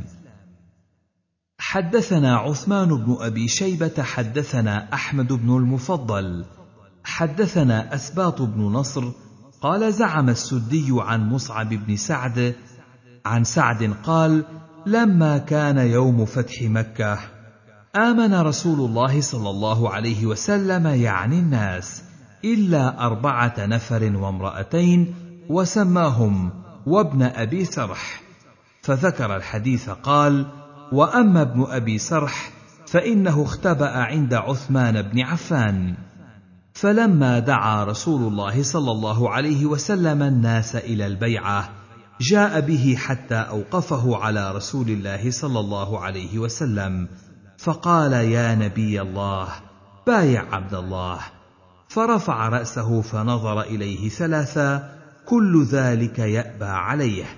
فبايعه بعد ثلاث ثم أقبل على أصحابه فقال أما كان فيكم رجل رشيد يقوم إلى هذا حيث رآني كففت يدي عن بيعته فيقتله فقالوا ما ندري يا رسول الله ما في نفسك؟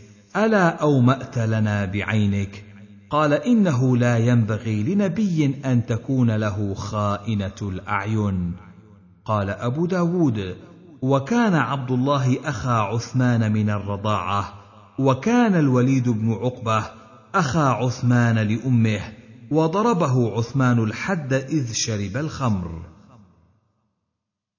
حدثنا محمد بن العلاء حدثنا زيد بن حباب أخبرنا عمرو بن عثمان بن عبد الرحمن بن سعيد بن يربوع المخزومي قال حدثني جدي عن أبيه أن رسول الله صلى الله عليه وسلم قال يوم فتح مكة أربعة لا أؤمنهم في حل ولا حرم. فسماهم. قال وقينتين كانتا لمقيس فقتلت إحداهما وأفلتت الأخرى فأسلمت. قال أبو داود لم أفهم إسناده من ابن العلاء كما أحب. حدثنا القعنبي عن مالك عن ابن شهاب عن أنس بن مالك أن رسول الله صلى الله عليه وسلم دخل مكة عام الفتح وعلى رأسه المغفر. فلما نزعه جاءه رجل فقال ابن خطل متعلق بأستار الكعبة. فقال اقتلوه. قال أبو داود اسم ابن خطل عبد الله وكان أبو برزة الأسلمي قتله. باب في قتل الأسير صبرا. حدثنا علي بن الحسين الرقي حدثنا عبد الله بن جعفر الرقي قال أخبرني عبيد الله بن عمرو عن زيد بن أبي أنيسة عن عمرو بن مره عن إبراهيم قال أراد الضحاك بن قيس أن يستعمل مسروقا فقال له عمارة بن عقبة أتستعمل رجلا من بقايا قتلة عثمان؟ فقال له مسروق حدثنا عبد الله بن مسعود وكان في أنفسنا موثوق الحديث أن النبي صلى الله عليه وسلم لما أراد قتل أبيك قال من للصبية؟ قال النار. فقد رضيت لك ما رضي لك رسول الله صلى الله عليه وسلم. باب في قتل الأسير بالنبل. حدثنا سعيد بن منصور حدثنا عبد الله بن وهب قال أخبرني عمرو بن الحارث عن بكير بن الأشج عن ابن تعلى. قال غزونا مع عبد الرحمن بن خالد بن الوليد فأتي بأربعة أعلاج من العدو فأمر بهم فقتلوا صبرا. قال أبو داود قال لنا غير سعيد عن ابن وهب في هذا الحديث قال بالنبل صبرا. فبلغ ذلك أبا أيوب الأنصاري فقال سمعت رسول الله صلى الله عليه وسلم ينهى عن قتل الصبر فوالذي نفسي بيده لو كانت دجاجة ما صبرتها. فبلغ ذلك عبد الرحمن بن خالد بن الوليد فأعتق أربع رقاب. باب في المن على الأسير بغير فداء. حدثنا موسى بن إسماعيل حدثنا حماد قال أخبرنا ثابت عن أنس أن ثمانين رجلا من أهل مكة هبطوا على النبي صلى الله عليه وسلم وأصحابه من جبال التنعيم عند صلاة الفجر ليقتلوهم فأخذهم رسول الله صلى الله عليه وسلم سلما فأعتقهم رسول الله صلى الله عليه وسلم فأنزل الله عز وجل وهو الذي كف أيديهم عنكم وأيديكم عنهم ببطن مكة إلى آخر الآية. حدثنا محمد بن يحيى بن فارس قال حدثنا عبد الرزاق قال أخبرنا معمر عن الزهري عن محمد بن جبير بن مطعم عن أبيه أن النبي صلى الله عليه وسلم قال لأسارى بدر لو كان مطعم بن عدي حيا ثم كلمني في هؤلاء النتنى لأطلقتهم له. باب في فداء الأسير بالمال. حدثنا أحمد بن محمد بن حنبل قال حدثنا أبو نوح قال أخبرنا عكرمة بن عمار قال حدثنا سماك الحنفي قال حدثني ابن عباس قال حدثني عمر بن الخطاب قال لما كان يوم بدر فأخذ يعني النبي صلى الله عليه وسلم الفداء أنزل الله عز وجل ما كان لنبي أن يكون له أسرى حتى يثخن في الأرض إلى قوله لمسكم فيما أخذتم من الفداء ثم أحل الله لهم الغنائم. قال أبو داود سمعت أحمد بن حنبل يسأل عن اسم أبي نوح فقال أيش تصنع باسمه؟ اسمه اسم شنيع. قال أبو داود اسمه قراد والصحيح عبد الرحمن بن غزوان. حدثنا عبد الرحمن بن المبارك العيشي حدثنا سفيان بن حبيب حدثنا شعبة عن أبي العنبس عن أبي الشعثاء عن ابن عباس أن النبي صلى الله عليه وسلم جعل فداء أهل الجاهلية يوم بدر أربعمائة. حدثنا عبد الله بن محمد النفيلي حدثنا محمد بن سلمة عن محمد بن إسحاق عن يحيى بن عباد عن أبيه عباد بن عبد الله بن الزبير. عن عائشة قالت لما بعث أهل مكة في فداء أسرائهم بعثت زينب في فداء أبي العاص بمال وبعثت فيه بقلادة لها كانت عند خديجة أدخلتها بها على أبي العاص. قالت فلما رآها رسول الله صلى الله عليه وسلم رق لها رقة شديدة وقال إن رأيتم أن تطلقوا لها أسيرها وتردوا عليها الذي لها. قالوا نعم. وكان رسول الله صلى الله عليه وسلم أخذ عليه أو وعده أن يخلي سبيل زينب إليه. وبعث رسول الله صلى الله عليه وسلم زيد بن حارثة ورجلا من الأنصار فقال كونا ببطن يأجج. حتى تمر بكما زينب فتصحباها حتى تأتيا بها. حدثنا أحمد بن أبي مريم حدثنا عمي يعني سعيد بن الحكم قال أخبرنا الليث بن سعد عن عقيل عن ابن شهاب قال وذكر عروة بن الزبير أن مروان والمسور بن مخرمة أخبراه أن رسول الله صلى الله عليه وسلم قال حين جاءه وفد هوازن مسلمين فسألوه أن يرد إليهم أموالهم فقال لهم رسول الله صلى الله عليه وسلم معي من ترون وأحب الحديث إلي أصدقه فاختاروا إما السبي وإما المال فقالوا نختار سبينا. فقام رسول الله صلى الله عليه وسلم فأثنى على الله ثم قال أما بعد فإن إخوانكم هؤلاء جاءوا تائبين وإني قد رأيت أن أرد إليهم سبيهم.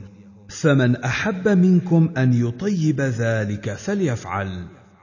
ومن أحب منكم أن يكون على حظه حتى نعطيه إياه من أول ما يفيء الله علينا فليفعل. فقال الناس قد طيبنا ذلك لهم يا رسول الله. فقال لهم رسول الله صلى الله عليه وسلم إنا لا ندري من أذن منكم ممن لم يأذن. فارجعوا حتى يرفع إلينا عرفاؤكم أمركم. فرجع الناس وكلمهم عرفاؤهم فأخبروا أنهم قد طيبوا وأذنوا. حدثنا موسى بن إسماعيل حدثنا حماد عن محمد بن إسحاق عن عمرو بن شعيب عن أبيه عن جده في هذه القصة قال فقال رسول الله صلى الله عليه وسلم ردوا عليهم نساءهم وأبناءهم فمن مسك بشيء من هذا الفيء فإن له به علينا ست فرائض من أول شيء يفيئه الله تعالى علينا. ثم دنا يعني النبي صلى الله عليه وسلم من بعير فأخذ وبرة من سنامه ثم قال أيها الناس إنه ليس لي من هذا الفيء شيء ولا هذا. ورفع إصبعيه إلا الخمس والخمس مردود عليكم فأدوا الخياط والمخيط. فقام رجل في يده كبة من شعر فقال أخذت هذه لأصلح بها برذعه لي فقال رسول الله صلى الله عليه وسلم أما ما كان لي ولبني عبد المطلب فهو لك. فقال أما إذا بلغت ما أرى فلا أرب لي فيها ونبذها.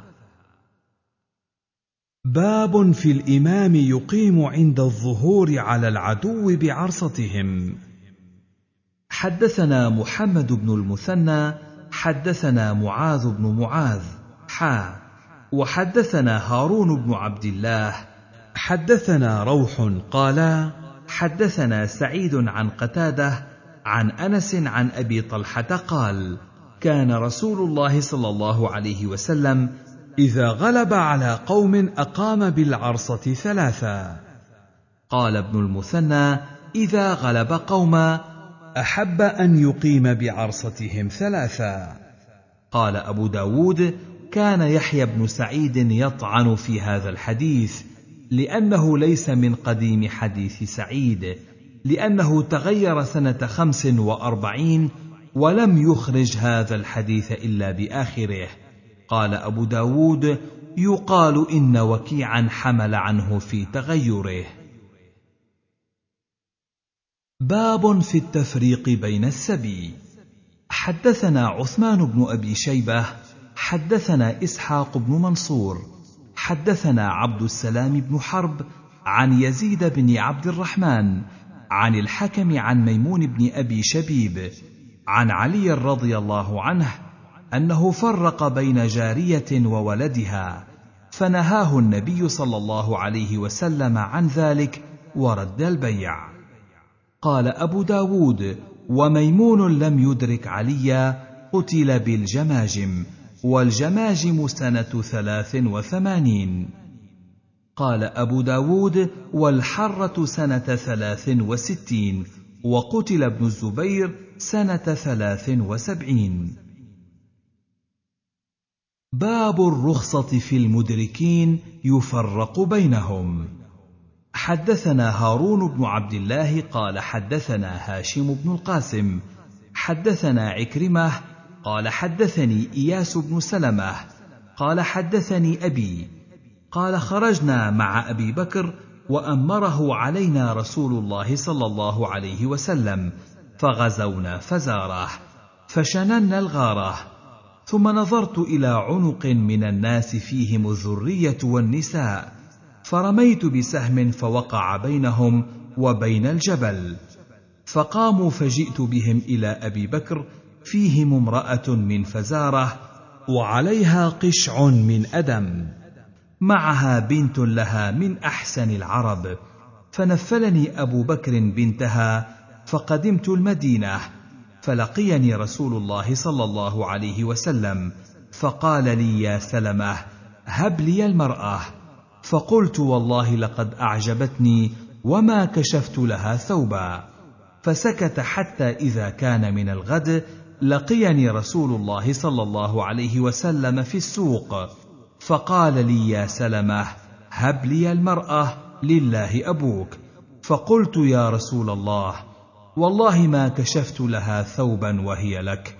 فبعث بها إلى أهل مكة وفي أيديهم أسرى ففداهم بتلك المرأة.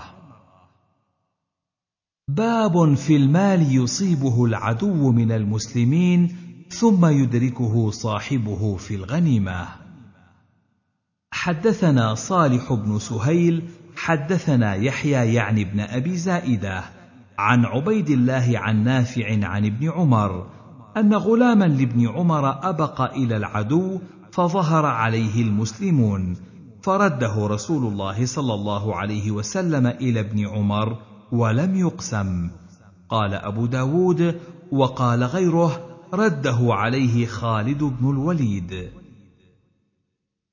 حدثنا محمد بن سليمان الأنباري والحسن بن علي المعنى قالا حدثنا ابن نمير عن عبيد الله عن نافع عن ابن عمر قال ذهب فرس له فأخذها العدو فظهر عليهم المسلمون فرد عليه في زمن رسول الله صلى الله عليه وسلم. وأبق عبد له فلحق بأرض الروم فظهر عليهم المسلمون فرده عليه خالد بن الوليد بعد النبي صلى الله عليه وسلم. باب في عبيد المشركين يلحقون بالمسلمين فيسلمون.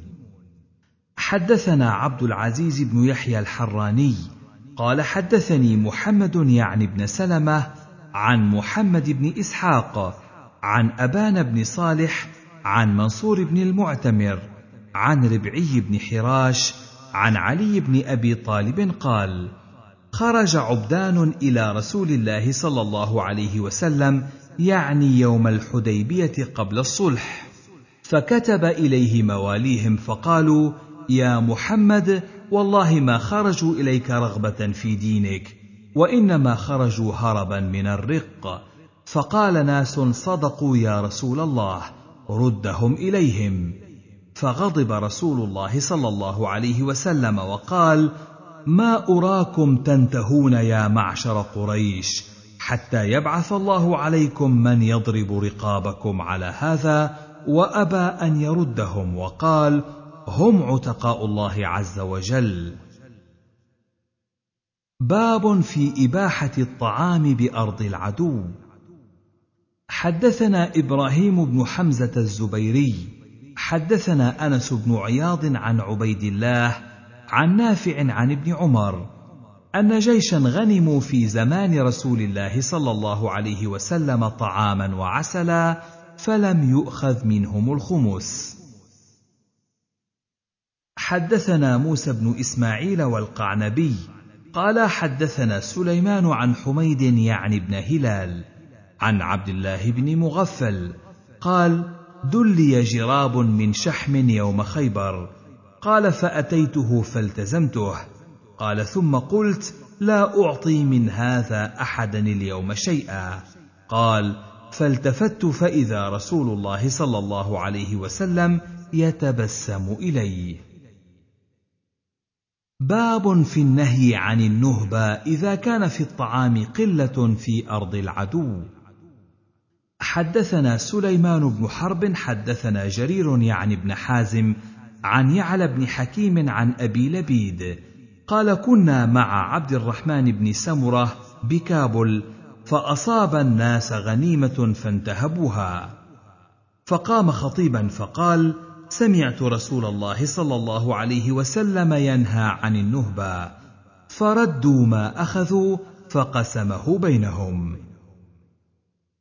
حدثنا محمد بن العلاء حدثنا أبو معاوية حدثنا أبو إسحاق الشيباني عن محمد بن أبي مجالد عن عبد الله بن أبي أوفى قال قلت هل كنتم تخمسون؟ يعني الطعام في عهد رسول الله صلى الله عليه وسلم فقال أصبنا طعاما يوم خيبر فكان الرجل يجيء فيأخذ منه مقدار ما يكفيه ثم ينصرف. حدثنا هناد بن السري حدثنا أبو الأحوص عن عاصم يعني ابن كليب عن أبيه عن رجل من الأنصار قال خرجنا مع رسول الله صلى الله عليه وسلم في سفر فأصاب الناس حاجة شديدة وجهد وأصابوا غنما فانتهبوها. فإن قدورنا لتغلي إذ جاء رسول الله صلى الله عليه وسلم يمشي على قوسه فأكفأ قدورنا بقوسه ثم جعل يرمل اللحم بالتراب ثم قال إن النهبة ليست بأحل من الميتة. أو إن الميتة ليست بأحل من النهبة الشك من هناد. باب في حمل الطعام من أرض العدو. حدثنا سعيد بن منصور حدثنا عبد الله بن وهب قال أخبرني عمرو بن الحارث أن ابن حرشف الأزدي حدثه عن القاسم مولى عبد الرحمن عن بعض أصحاب النبي صلى الله عليه وسلم. قال كنا نأكل الجزر في الغزو ولا نقسمه حتى إن كنا لنرجع إلى رحالنا وأخرجتنا منه مملاه باب في بيع الطعام إذا فضل عن الناس في أرض العدو. حدثنا محمد بن المصفى حدثنا محمد بن المبارك عن يحيى بن حمزة حدثنا أبو عبد العزيز شيخ من أهل الأردن عن عبادة بن نسي عن عبد الرحمن بن غنم قال رابطنا مدينة قنسرين مع شرحبيل بن السمط فلما فتحها أصاب فيها غنما وبقرا فقسم فينا طائفة منها وجعل بقيتها في المغنم. فلقيت معاذ بن جبل فحدثته فقال معاذ غزونا مع رسول الله صلى الله عليه وسلم خيبر فأصبنا فيها غنما فقسم فينا رسول الله صلى الله عليه وسلم طائفة وجعل بقيتها في المغنم. باب في الرجل ينتفع من الغنيمة بشيء. حدثنا سعيد بن منصور وعثمان بن أبي شيبة المعنى قال أبو داود وأنا لحديثه أتقن. قال حدثنا أبو معاوية عن محمد بن إسحاق عن يزيد بن أبي حبيب عن أبي مرزوق مولى تجيب عن حنش الصنعاني عن رويفع بن ثابت الأنصاري أن النبي صلى الله عليه وسلم قال من كان يؤمن بالله واليوم الآخر فلا يركب دابة من فيء المسلمين حتى إذا أعجفها ردها فيه. ومن كان يؤمن بالله واليوم الآخر فلا يلبس ثوبا من فيء المسلمين حتى إذا أخلقه رده فيه. باب في الرخصة في السلاح يقاتل به في المعركة. حدثنا محمد بن العلاء قال أخبرنا إبراهيم يعني بن يوسف قال أبو داود هو إبراهيم بن يوسف ابن إسحاق بن أبي إسحاق السبيعي. عن أبيه عن أبي إسحاق السبيعي قال حدثني أبو عبيدة. عن أبيه قال مررت فإذا أبو جهل صريع. قد ضربت رجله. فقلت يا عدو الله يا أبا جهل قد اخزى الله الأخر. قال ولا أهابه عند ذلك. فقال أبعد من رجل قتله قومه فضربته بسيف غير طائل فلم يغن شيئا حتى سقط سيفه من يده فضربته به حتى برد. باب في تعظيم الغلول. حدثنا مسدد أن يحيى بن سعيد وبشر بن المفضل حدثاهم عن يحيى بن سعيد عن محمد بن يحيى بن حبان عن أبي عمرة عن زيد بن خالد الجهني أن رجلا من أصحاب النبي صلى الله عليه وسلم توفي يوم خيبر فذكروا ذلك لرسول الله صلى الله عليه وسلم فقال صلوا على صاحبكم. فتغيرت وجوه الناس لذلك فقال إن صاحبكم غل في سبيل الله ففتشنا متاعه فوجدنا فيه خرزا من خرز يهود لا يساوي درهمين.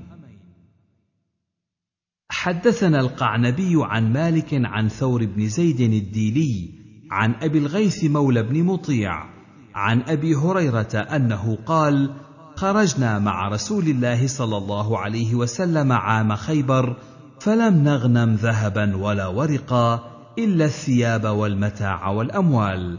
قال فوجه رسول الله صلى الله عليه وسلم نحو وادي القرى وقد أهدي لرسول الله صلى الله عليه وسلم عبد أسود يقال له مدعم حتى إذا كانوا بوادي القرى فبينما مدعم يحط رحل رسول الله صلى الله عليه وسلم إذ جاءه سهم فقتله. فقال الناس هنيئا له الجنة.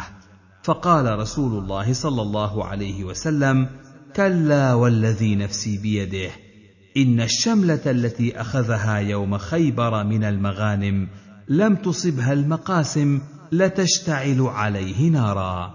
فلما سمعوا ذلك جاء رجل بشراك أو شراكين إلى رسول الله صلى الله عليه وسلم فقال رسول الله صلى الله عليه وسلم شراك من نار. أو قال شراكان من نار.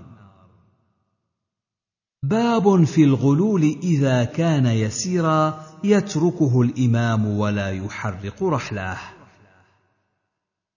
حدثنا أبو صالح محبوب بن موسى قال أخبرنا أبو إسحاق الفزاري عن عبد الله يعني بن شوذب قال حدثني عامر يعني بن عبد الواحد عن ابن بريدة عن عبد الله بن عمرو قال كان رسول الله صلى الله عليه وسلم إذا أصاب غنيمة أمر بلالا فنادى في الناس فيجيئون بغنائمهم فيخمسه ويقسمه. فجاء رجل بعد ذلك بزمام من شعر فقال يا رسول الله هذا فيما كنا أصبناه من الغنيمة. فقال أسمعت بلالا ينادي ثلاثا؟ قال نعم. قال وما منعك أن تجيء به؟ فاعتذر إليه فقال كن أنت تجيء به يوم القيامة فلن أقبله عنك. باب في عقوبة الغال. حدثنا النفيلي وسعيد بن منصور قال حدثنا عبد العزيز بن محمد قال النفيلي الأندراوردي عن صالح بن محمد بن زائدة قال أبو داود وصالح هذا أبو واقد.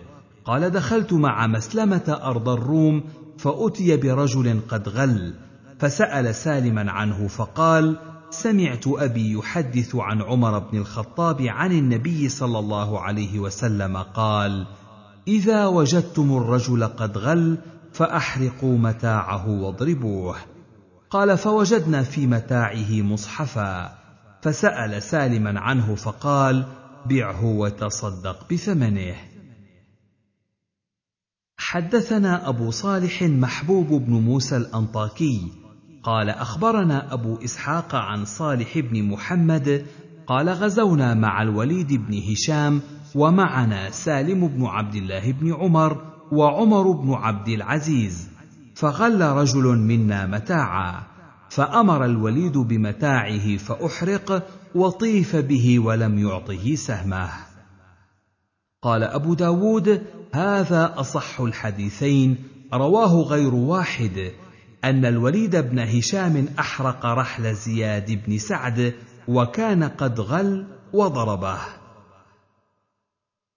حدثنا محمد بن عوف حدثنا موسى بن أيوب قال حدثنا الوليد بن مسلم حدثنا زهير بن محمد عن عمرو بن شعيب عن أبيه عن جده أن رسول الله صلى الله عليه وسلم وأبا بكر وعمر حرقوا متاع الغال وضربوه. قال أبو داود وزاد فيه علي بن بحر عن الوليد ولم أسمعه منه ومنعوه سهمه.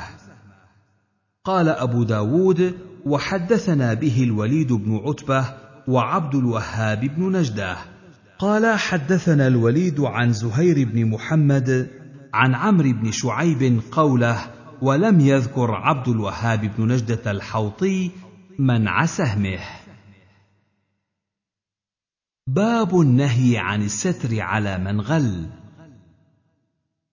حدثنا محمد بن داود بن سفيان حدثنا يحيى بن حسان حدثنا سليمان بن موسى أبو داود حدثنا جعفر بن سعد بن سمرة بن جندب قال حدثني خبيب بن سليمان عن أبيه سليمان بن سمرة عن سمرة بن جندب قال أما بعد وكان رسول الله صلى الله عليه وسلم يقول من كتم غالا فإنه مثله. باب في السلب يعطى القاتل. حدثنا عبد الله بن مسلمة القعنبي عن مالك عن يحيى بن سعيد عن عمر بن كثير بن أفلح عن أبي محمد مولى أبي قتادة عن أبي قتادة أنه قال خرجنا مع رسول الله صلى الله عليه وسلم في عام حنين فلما التقينا كانت للمسلمين جولة. قال فرأيت رجلا من المشركين قد علا رجلا من المسلمين. قال فاستدرت له حتى أتيته من ورائه فضربته بالسيف على حبل عاتقه فأقبل علي فضمني ضمه وجدت منها ريح الموت. ثم أدركه الموت فأرسلني. فلحقت عمر بن الخطاب فقلت له ما بال الناس؟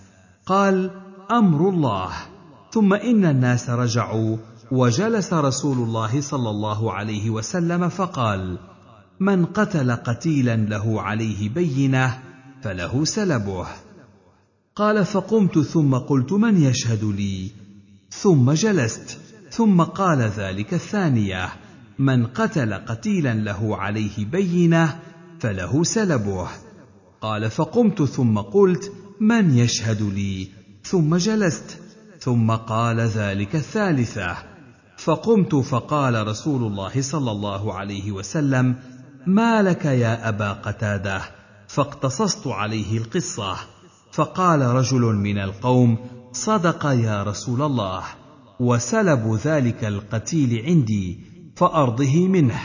فقال أبو بكر الصديق لاها الله اذا يعمد إلى أسد من أسد الله يقاتل عن الله وعن رسوله فيعطيك سلبه. فقال رسول الله صلى الله عليه وسلم صدق فأعطه إياه. فقال أبو قتادة فأعطانيه فبعت الدرع فابتعت به مخرفا في بني سلمة فإنه لأول مال تأثلته في الإسلام. حدثنا موسى بن إسماعيل حدثنا حماد عن إسحاق بن عبد الله بن أبي طلحة عن أنس بن مالك قال قال رسول الله صلى الله عليه وسلم يومئذ يعني يوم حنين من قتل كافرا فله سلبه فقتل أبو طلحة يومئذ عشرين رجلا وأخذ أسلابهم ولقي أبو طلحة أم سليم ومعها خنجر. فقال يا أم سليم ما هذا معك؟ قالت أردت والله إن دنا مني بعضهم أبعج به بطنه فأخبر بذلك أبو طلحة رسول الله صلى الله عليه وسلم. قال أبو داود هذا حديث حسن. قال أبو داود أردنا بهذا الخنجر فكان سلاح العجم يومئذ الخنجر. باب في الإمام يمنع القاتل السلب إن رأى والفرس والسلاح من السلب. حدثنا أحمد بن محمد بن حنبل حدثنا الوليد بن مسلم قال حدثني صفوان بن عمرو عن عبد الرحمن بن جبير بن نفير عن أبيه عن عوف بن مالك الأشجعي قال خرجت مع زيد بن حارثة في غزوة مؤتة.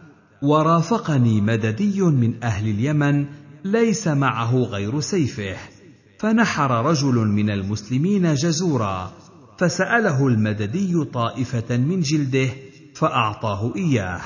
فاتخذه كهيئة الدرق ومضينا فلقينا جموع الروم وفيهم رجل على فرس له أشقر عليه سرج مذهب وسلاح مذهب.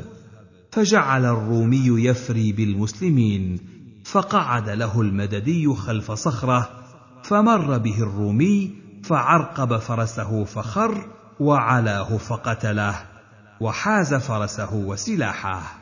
فلما فتح الله عز وجل للمسلمين بعث إليه خالد بن الوليد فأخذ من السلب.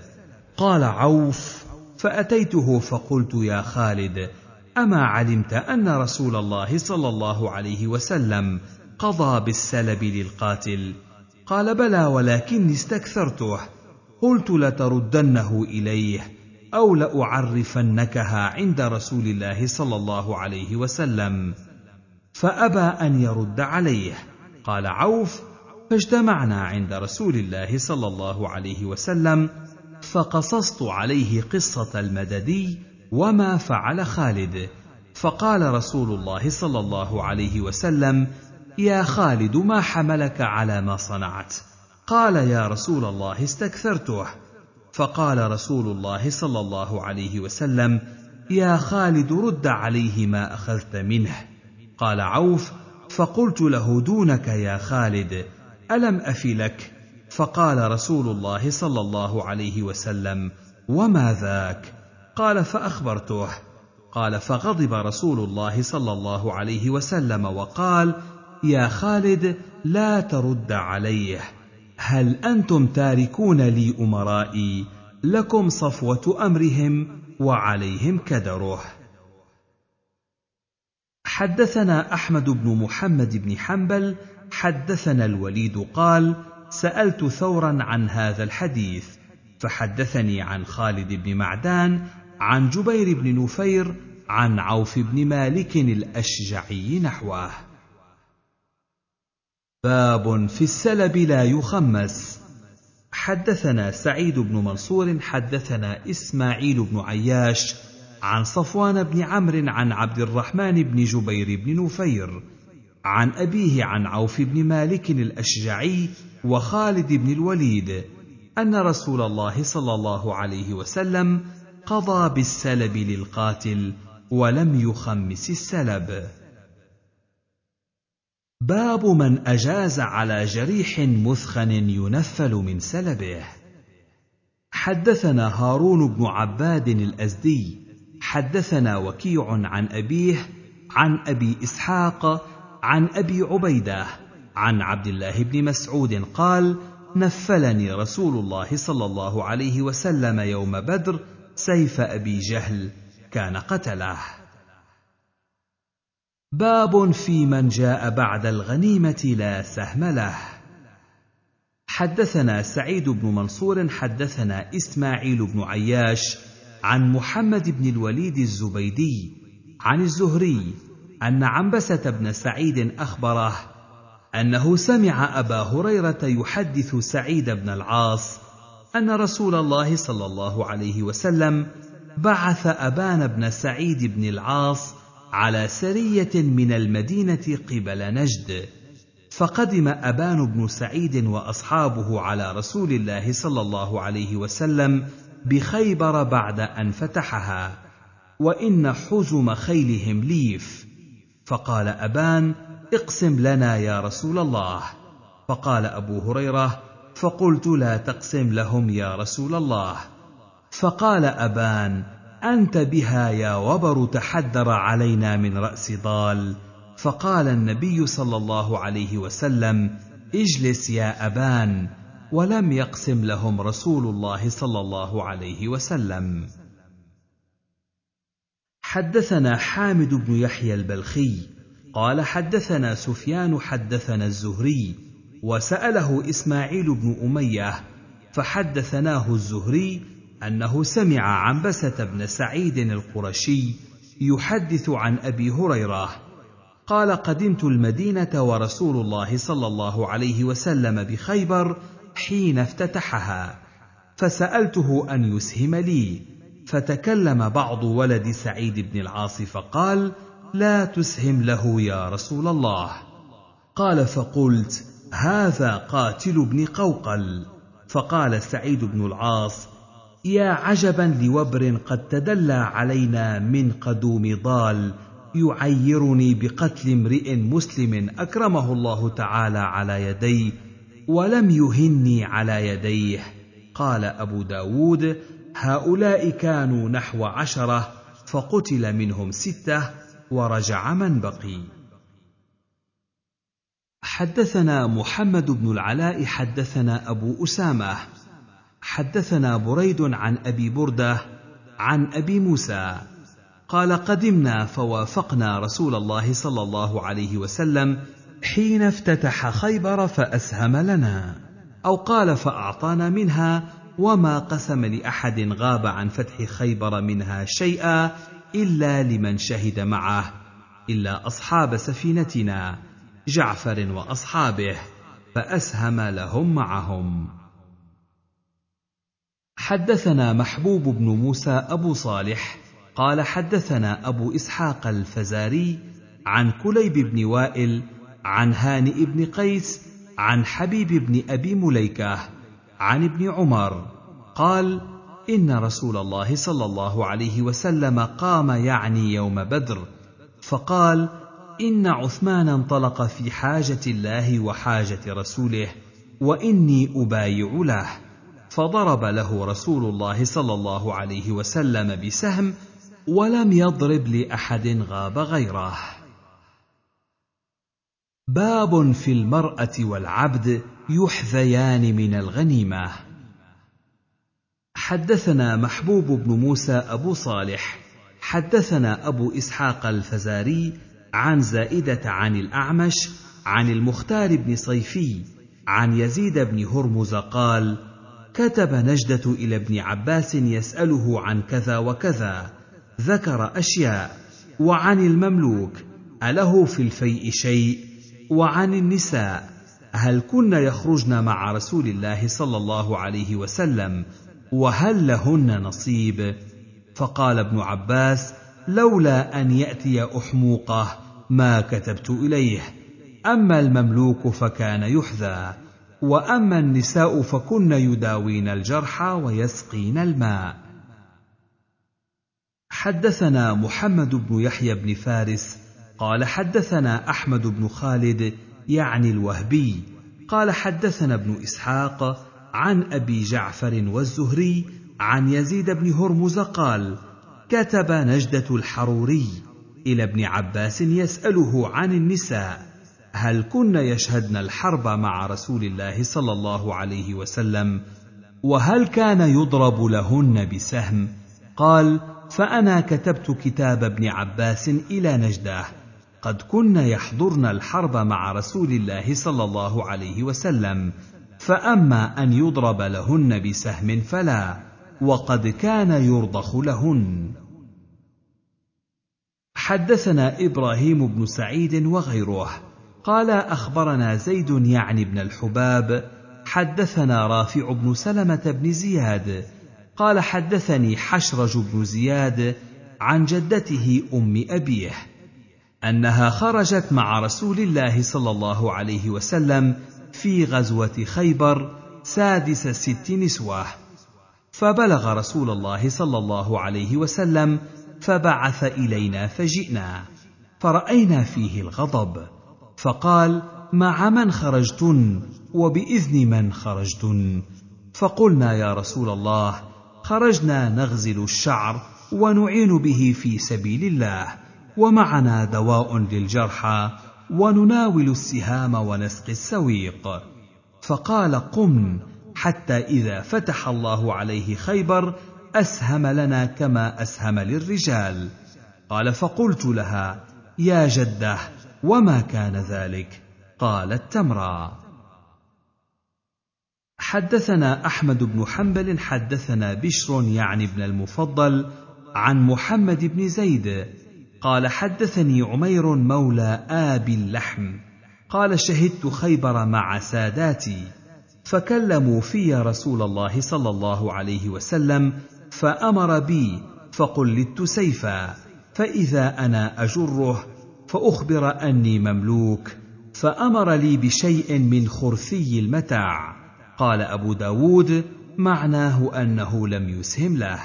قال أبو داود قال أبو عبيد كان حرم اللحم على نفسه فسمي آبي اللحم. حدثنا سعيد بن منصور قال حدثنا أبو معاوية عن الأعمش عن أبي سفيان عن جابر قال كنت أميح اصحابي الماء يوم بدر. باب في المشرك يسهم له. حدثنا مسدد ويحيى بن معين قال حدثنا يحيى عن مالك عن الفضيل عن عبد الله بن نيار عن عروة عن عائشة قال يحيى إن رجلا من المشركين لحق بالنبي صلى الله عليه وسلم يقاتل معه فقال ارجع. ثم اتفقا فقالا إنا لا نستعين بمشرك. باب في سهمان الخيل. حدثنا أحمد بن حنبل حدثنا أبو معاوية حدثنا عبيد الله عن نافع عن ابن عمر أن رسول الله صلى الله عليه وسلم أسهم لرجل ولفرسه ثلاثة أسهم سهما له وسهمين لفرسه. حدثنا أحمد بن حنبل حدثنا عبد الله بن يزيد حدثنا المسعودي حدثني أبو عمرة عن أبيه قال أتينا رسول الله صلى الله عليه وسلم أربعة نفر ومعنا فرس. فأعطى كل إنسان منا سهما وأعطى الفرس سهمين. حدثنا مسدد حدثنا أمية بن خالد حدثنا المسعودي عن رجل من آل أبي عمرة عن أبي عمرة بمعناه إلا أنه قال ثلاثة نفر زاد فكان للفارس ثلاثة أسهم. باب في من أسهم له سهما. حدثنا محمد بن عيسى حدثنا مجمع بن يعقوب ابن مجمع بن يزيد الأنصاري. قال سمعت أبي يعقوب بن المجمع يذكر عن عمه عبد الرحمن بن يزيد الأنصاري عن عمه مجمع بن جارية الأنصاري. قال وكان أحد القراء الذين قرأوا القرآن. قال شهدنا الحديبية مع رسول الله صلى الله عليه وسلم فلما انصرفنا عنها إذا الناس يهزون الأباعر. فقال بعض الناس لبعض ما للناس؟ قالوا أوحي إلى النبي صلى الله عليه وسلم فخرجنا مع الناس نوجف فوجدنا النبي صلى الله عليه وسلم واقفا على راحلته عند كراع الغميم فلما اجتمع عليه الناس قرأ عليهم إنا فتحنا لك فتحا مبينا. فقال رجل يا رسول الله أفتح هو؟ قال نعم والذي نفس محمد بيده إنه لفتح. فقسمت خيبر على أهل الحديبية فقسمها رسول الله صلى الله عليه وسلم على ثمانية عشر سهما وكان الجيش الفا وخمسمائة. فيهم ثلاثمائة فارس فأعطى الفارس سهمين وأعطى الراجل سهما. قال أبو داود حديث أبي معاوية أصح والعمل عليه. وأرى الوهم في حديث مجمع أنه قال ثلاثمائة فارس وكانوا مئتي فارس. باب في النفل. حدثنا وهب بن بقية قال أخبرنا خالد عن داود عن عكرمة عن ابن عباس قال قال رسول الله صلى الله عليه وسلم يوم بدر من فعل كذا وكذا فله من النفل كذا وكذا قال فتقدم الفتيان ولزم المشيخة الرايات فلم يبرحوها فلما فتح الله عليهم قالت المشيخة كنا ردءا لكم لو انهزمتم فئتم إلينا فلا تذهبون بالمغنم ونبقى. فأبى الفتيان وقالوا جعله رسول الله صلى الله عليه وسلم لنا. فأنزل الله تعالى يسألونك عن الأنفال قل الأنفال لله والرسول. إلى قوله كما أخرجك ربك من بيتك بالحق وان فريقا من المؤمنين لكارهون يقول فكان ذلك خيرا لهم فكذلك أيضا فاطيعوني فاني اعلم بعاقبه هذا منكم.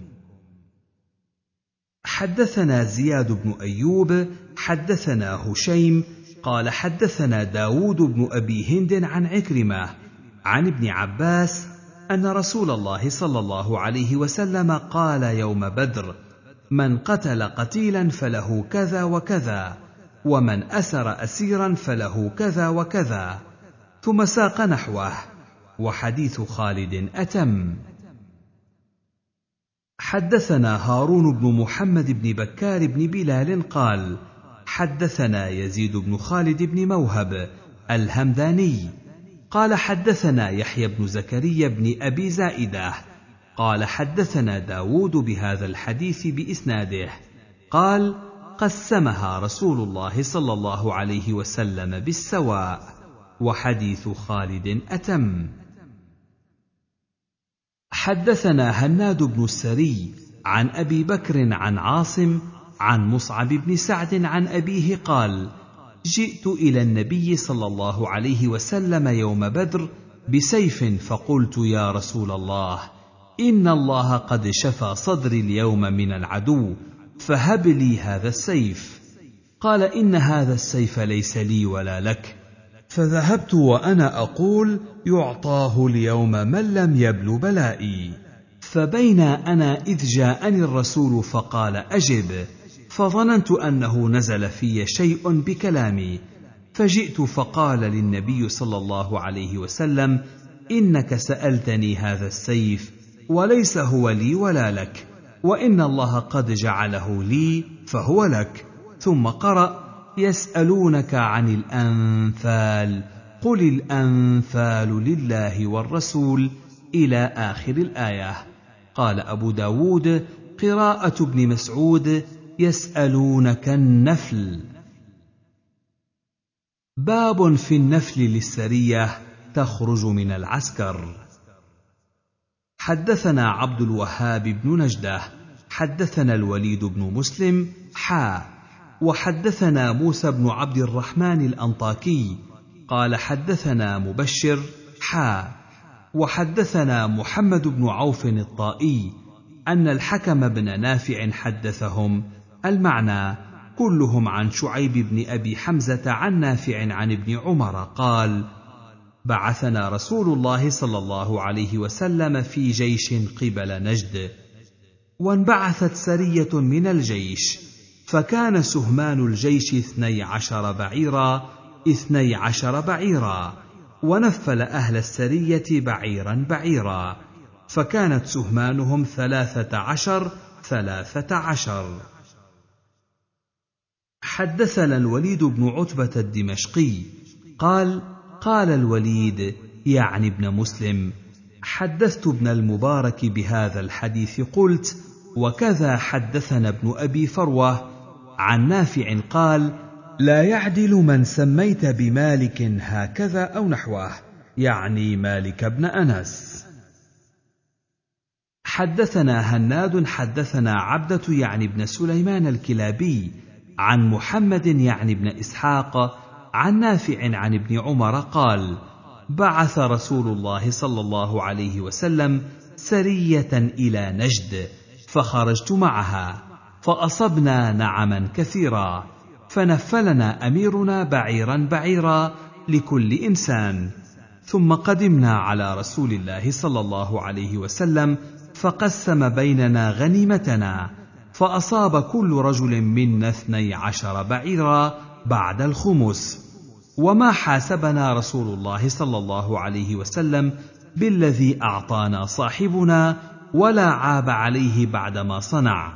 فكان لكل رجل منا ثلاثة عشر بعيرا بنفله. حدثنا عبد الله بن مسلمة القعنبي عن مالك. حا. وحدثنا عبد الله بن مسلمة ويزيد بن خالد بن موهب. قال حدثنا الليث المعنى عن نافع. عن عبد الله بن عمر أن رسول الله صلى الله عليه وسلم بعث سرية فيها عبد الله بن عمر قبل نجد فغنموا ابلا كثيرة فكانت سهمانهم اثني عشر بعيرا ونفلوا بعيرا بعيرا. زاد ابن موهب فلم يغيره رسول الله صلى الله عليه وسلم. حدثنا مسدد حدثنا يحيى عن عبيد الله. حدثني نافع عن عبد الله قال بعثنا رسول الله صلى الله عليه وسلم في سرية فبلغت سهماننا اثني عشر بعيرا ونفلنا رسول الله صلى الله عليه وسلم بعيرا بعيرا. قال أبو داود رواه برد بن سنان مثله عن نافع مثل حديث عبيد الله ورواه أيوب عن نافع مثله إلا أنه قال ونفلنا بعيرا بعيرا لم يذكر النبي صلى الله عليه وسلم. حدثنا عبد الملك بن شعيب بن الليث قال حدثني أبي عن جدي حا وحدثنا حجاج بن أبي يعقوب قال حدثني حجين حدثنا الليث عن عقيل عن ابن شهاب عن سالم عن عبد الله بن عمر أن رسول الله صلى الله عليه وسلم قد كان ينفل بعض من يبعث من السرايا لأنفسهم خاصة النفل سوى قسم عامة الجيش والخمس واجب في ذلك كله. حدثنا أحمد بن صالح قال حدثنا عبد الله بن وهب. حدثنا حيي عن أبي عبد الرحمن الحبولي عن عبد الله بن عمرو أن رسول الله صلى الله عليه وسلم خرج يوم بدر في ثلاثمائة وخمسة عشر. فقال رسول الله صلى الله عليه وسلم اللهم إنهم حفاة فاحملهم. اللهم إنهم عراة فاكسهم اللهم إنهم جياع فأشبعهم. ففتح الله له يوم بدر فانقلبوا حين انقلبوا وما منهم رجل إلا وقد رجع بجمل أو جملين واكتسوا وشبعوا. باب في من قال الخمس قبل النفل. حدثنا محمد بن كثير حدثنا سفيان عن يزيد بن يزيد بن جابر الشامي عن مكحول عن زياد بن جارية التميمي عن حبيب بن مسلمة الفهري أنه قال كان رسول الله صلى الله عليه وسلم ينفل الثلث بعد الخمس.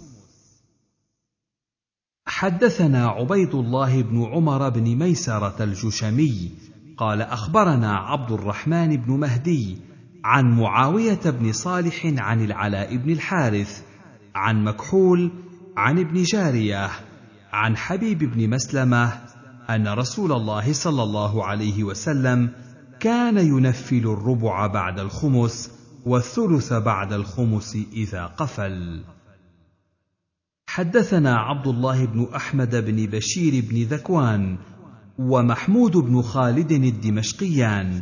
المعنى قالا حدثنا مروان بن محمد قال حدثنا يحيى بن حمزة قال سمعت أبا وهب يقول سمعت مكحولا يقول كنت عبدا بمصر لامرأة من بني هذيل فأعتقتني فما خرجت من مصر وبها علم إلا حويت عليه فيما أرى.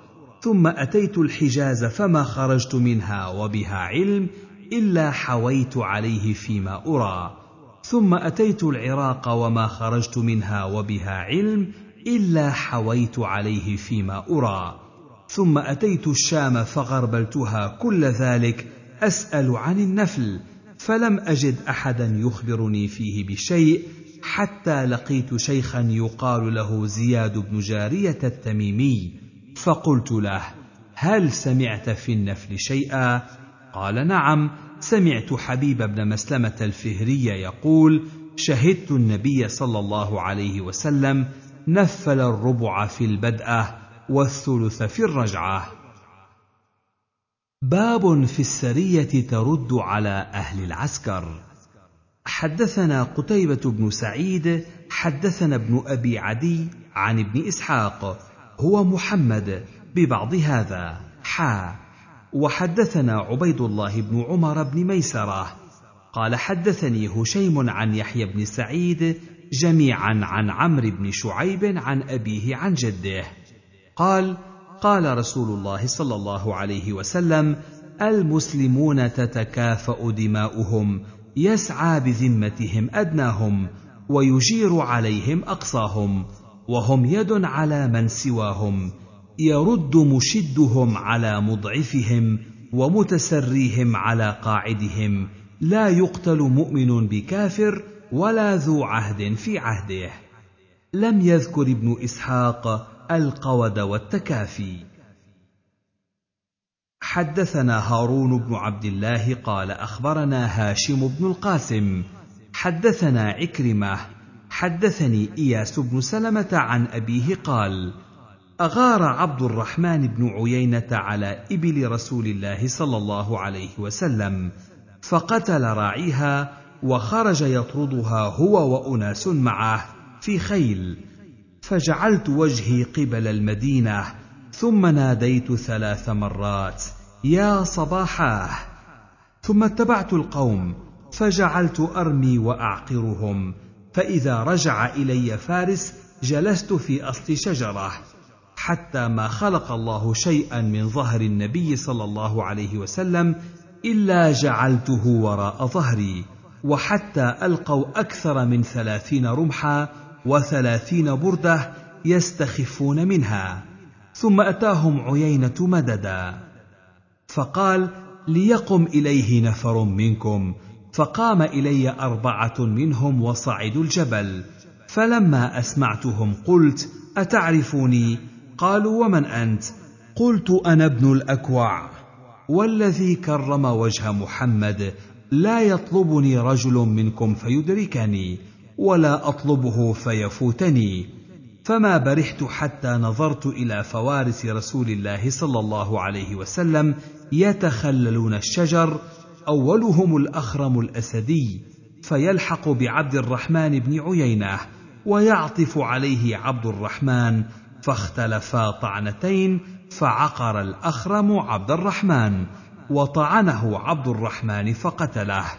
فتحول عبد الرحمن على فرس الأخرم فيلحق أبو قتادة بعبد الرحمن فاختلفا طعنتين فعقر بأبي قتادة. وقتله أبو قتادة فتحول أبو قتادة على فرس الأخرم ثم جئت إلى رسول الله صلى الله عليه وسلم وهو على الماء الذي جليتهم عنه ذو قرد فإذا نبي الله صلى الله عليه وسلم في خمسمائة فأعطاني سهم الفارس والراجل. باب في النفل من الذهب والفضة ومن أول مغنم. حدثنا أبو صالح محبوب بن موسى قال أخبرنا أبو إسحاق الفزاري عن عاصم بن كليب عن أبي الجويرية الجرمي قال أصبت بأرض الروم جرة حمراء فيها دنانير في إمرة معاوية وعلينا رجل من أصحاب النبي صلى الله عليه وسلم من بني سليم. يقال له معن بن يزيد فأتيته بها فقسمها بين المسلمين وأعطاني منها مثل ما أعطى رجلا منهم. ثم قال لولا أني سمعت رسول الله صلى الله عليه وسلم يقول لا نفل إلا بعد الخمس لأعطيتك ثم أخذ يعرض علي من نصيبه فأبيت. حدثنا هناد عن ابن المبارك عن أبي عوانة عن عاصم بن كليب بإسناده ومعناه. باب في الإمام يستأثر بشيء من الفيء لنفسه. حدثنا الوليد بن عتبة قال حدثنا الوليد حدثنا عبد الله بن العلاء أنه سمع أبا سلام الأسود قال سمعت عمرو بن عبسه قال صلى بنا رسول الله صلى الله عليه وسلم إلى بعير من المغنم فلما سلم أخذ وبرة من جنب البعير ثم قال ولا يحل لي من غنائمكم مثل هذا إلا الخمس والخمس مردود فيكم. باب في الوفاء بالعهد. حدثنا عبد الله بن مسلمة القعنبي عن مالك عن عبد الله بن دينار عن ابن عمر أن رسول الله صلى الله عليه وسلم قال إن الغادر ينصب له لواء يوم القيامة فيقال هذه غدرة فلان بن فلان. باب في الإمام يستجن به في العهود. حدثنا محمد بن الصباح البزاز حدثنا عبد الرحمن بن أبي الزناد عن أبي الزناد عن الأعرج عن أبي هريرة قال قال رسول الله صلى الله عليه وسلم إنما الإمام جنة يقاتل به. حدثنا أحمد بن صالح حدثنا عبد الله بن وهب أخبرني عمرو عن بكير بن الأشج عن الحسن بن علي بن أبي رافع أن أبا رافع أخبره قال بعثني قريش إلى رسول الله صلى الله عليه وسلم فلما رأيت رسول الله صلى الله عليه وسلم ألقي في قلب الإسلام فقلت يا رسول الله إني والله لا أرجع إليهم أبدا. فقال رسول الله صلى الله عليه وسلم إني لا أخيس بالعهد ولا أحبس البرد ولكن ارجع فإن كان في نفسك الذي في نفسك الآن فارجع. قال فذهبت ثم أتيت النبي صلى الله عليه وسلم فأسلمت. قال بكير وأخبرني أن أبا رافع كان قبطيا. قال أبو داود هذا كان في ذلك الزمان واليوم لا يصلح. باب في الإمام يكون بينه وبين العدو عهد فيسير نحوه. حدثنا حفص بن عمر النمري حدثنا شعبة عن أبي الفيض عن سليم بن عامر رجل من حمير قال كان بين معاوية وبين الروم عهد وكان يسير نحو بلادهم حتى إذا انقضى العهد غزاهم. فجاء رجل على فرس أو برذون وهو يقول الله أكبر الله أكبر وفاء لا غدر. فنظروا فإذا عمرو بن عبسة فأرسل إليه معاوية فسأله فقال سمعت رسول الله صلى الله عليه وسلم يقول من كان بينه وبين قوم عهد فلا يشد عقدة ولا يحلها حتى ينقضي أمدها أو ينبذ إليهم على سواء فرجع معاوية. باب في الوفاء للمعاهد وحرمة ذمته. حدثنا عثمان بن أبي شيبة حدثنا وكيع عن عيينة بن عبد الرحمن عن أبيه عن أبي بكرة قال قال رسول الله صلى الله عليه وسلم من قتل معاهدا في غير كنهه حرم الله عليه الجنة. باب في الرسل. حدثنا محمد بن عمرو الرازي حدثنا سلمة يعني بن الفضل عن محمد بن إسحاق قال كان مسيلمة كتب إلى رسول الله صلى الله عليه وسلم قال وقد حدثني محمد بن إسحاق عن شيخ من أشجع يقال له سعد بن طارق عن سلمة بن نعيم بن مسعود الأشجعي عن أبيه نعيم قال سمعت رسول الله صلى الله عليه وسلم يقول لهما حين قرأ كتاب مسيلمة ما تقولان أنتما؟ قالا نقول كما قال. قال أما والله لولا أن الرسل لا تقتل لضربت أعناقكما. حدثنا محمد بن كثير أخبرنا سفيان عن أبي إسحاق عن حارثة بن مضرب أنه أتى عبد الله فقال ما بيني وبين أحد من العرب حينه وإني مررت بمسجد لبني حنيفة فإذا هم يؤمنون بمسيلمة فأرسل إليهم عبد الله فجيء بهم فاستتابهم غير ابن النواحة. قال له سمعت رسول الله صلى الله عليه وسلم يقول لولا أنك رسول لضربت عنقك فأنت اليوم لست برسول. فأمر قرظة بن كعب فضرب عنقه في السوق. ثم قال من أراد أن ينظر إلى ابن النواحة قتيلا بالسوق. باب في أمان المرأة. حدثنا أحمد بن صالح حدثنا ابن وهب. أخبرني عياض بن عبد الله عن مخرمة بن سليمان عن كريب عن ابن عباس قال حدثتني أم هانئ بنت أبي طالب أنها أجارت رجلا من المشركين يوم الفتح فأتت النبي صلى الله عليه وسلم فذكرت ذلك له. قال فقال قد أجرنا من أجرت وآمنا من آمنت. حدثنا عثمان بن أبي شيبة قال أخبرنا سفيان بن عيينة عن منصور عن إبراهيم عن الأسود عن عائشة قالت إن كانت المرأة لتجير على المؤمنين فيجوز. باب في صلح العدو. حدثنا محمد بن عبيد أن محمد بن ثور حدثهم عن معمر عن الزهري عن عروة بن الزبير عن المسور بن مخرمة قال خرج رسول الله صلى الله عليه وسلم زمن الحديبية في بضع عشرة مائه من أصحابه حتى إذا كانوا بذي الحليفة قلد الهدي وأشعره وأحرم بالعمرة. وساق الحديث.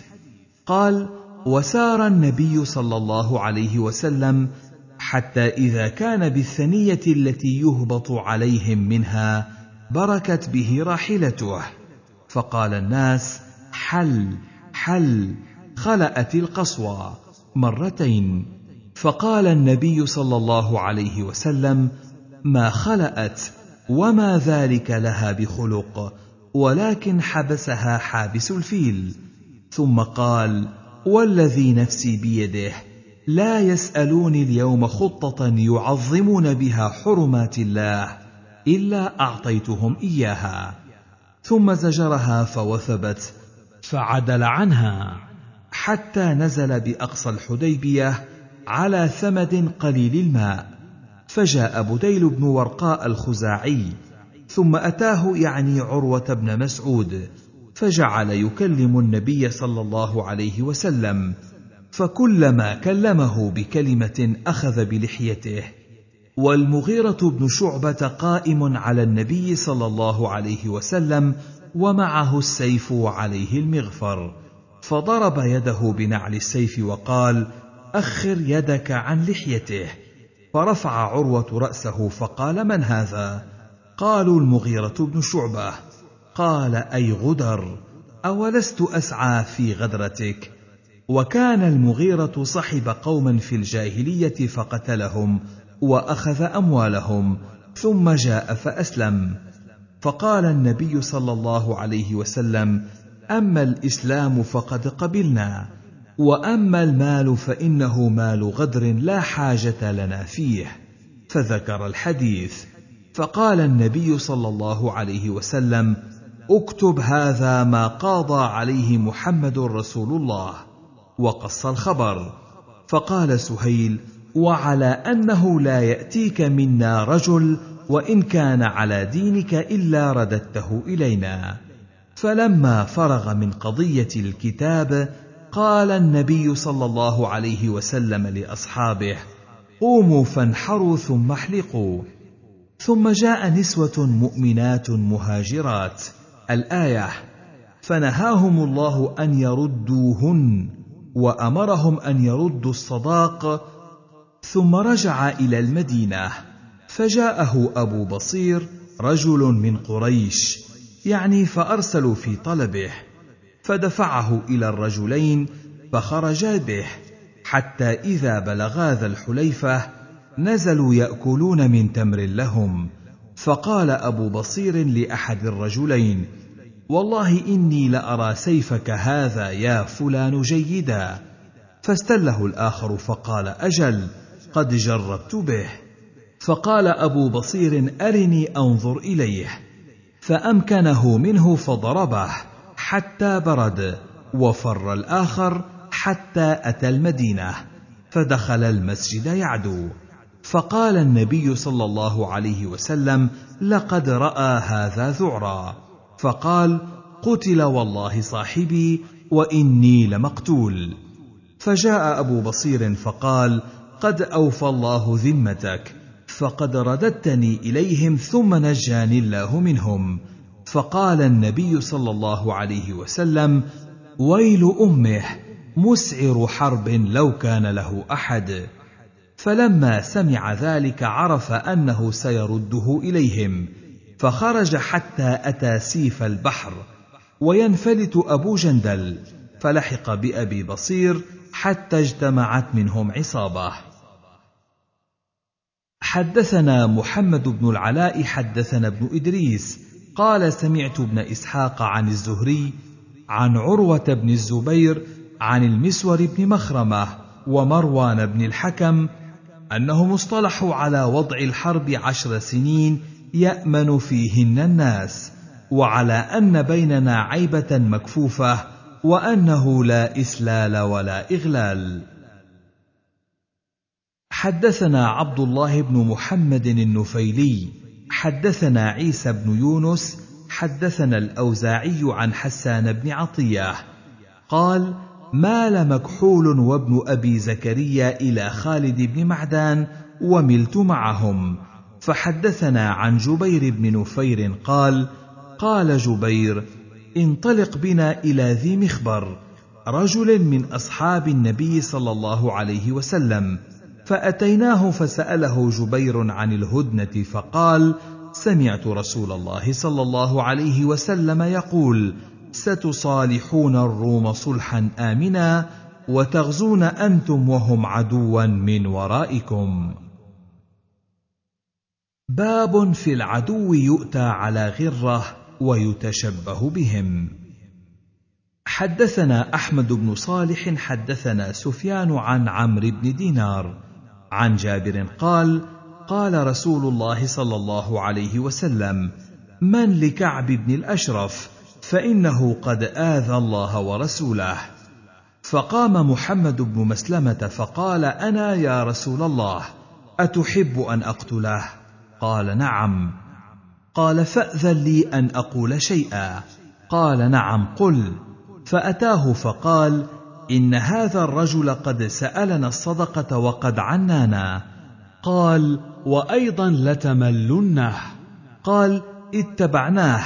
فنحن نكره أن ندعه حتى ننظر إلى أي شيء يصير أمره. وقد أردنا أن تسلفنا وسقا أو وسقين. قال كعب أي شيء ترهنوني؟ قال وما تريد منا؟ فقال نساءكم. قالوا سبحان الله أنت أجمل العرب نرهنك نساءنا فيكون ذلك عارا علينا. قال فترهنوني أولادكم قالوا سبحان الله يسب ابن أحدنا فيقال رهنت بوسق أو وسقين قالوا نرهنك اللأمة يريد السلاح قال نعم فلما أتاه ناداه فخرج إليه وهو متطيب ينضح رأسه. فلما أن جلس إليه وقد كان جاء معه بنفر ثلاثة أو أربعة فذكروا له. قال عندي فلانة وهي أعطر نساء الناس. قال تأذن لي فأشم. قال نعم فأدخل يده في رأسه فشمه. قال أعود. قال نعم فأدخل يده في رأسه. فلما استمكن منه قال دونكم فضربوه حتى قتلوه. حدثنا محمد بن حزابة حدثنا إسحاق يعني بن منصور حدثنا أسباط الهمداني عن السدي عن أبيه عن أبي هريرة عن النبي صلى الله عليه وسلم قال الإيمان قيد الفتك لا يفتك مؤمن. باب في التكبير على كل شرف في المسير. حدثنا القعنبي عن مالك عن نافع عن عبد الله بن عمر أن رسول الله صلى الله عليه وسلم كان إذا قفل من غزو أو حج أو عمرة يكبر على كل شرف من الأرض ثلاث تكبيرات ويقول لا إله إلا الله وحده لا شريك له له الملك وله الحمد وهو على كل شيء قدير. آئبون تائبون عابدون ساجدون لربنا حامدون. صدق الله وعده ونصر عبده وهزم الأحزاب وحده. باب في الإذن في القفول بعد النهي. حدثنا أحمد بن محمد بن ثابت المروزي. حدثني علي بن الحسين عن أبيه عن يزيد النحوي. عن عكرمة عن ابن عباس قال لا يستأذنك الذين يؤمنون بالله واليوم الآخر. الآية نسختها التي في النور. إنما المؤمنون الذين آمنوا بالله ورسوله. إلى قوله غفور رحيم. باب في بعثة البشراء. حدثنا أبو توبة الربيع بن نافع. حدثنا عيسى عن إسماعيل. عن قيس عن جرير قال قال لي رسول الله صلى الله عليه وسلم ألا تريحني من ذي الخلصة؟ فأتاها فحرقها ثم بعث رجلا من أحمس إلى النبي صلى الله عليه وسلم يبشره يكنى أبا أرطاه. باب في إعطاء البشير.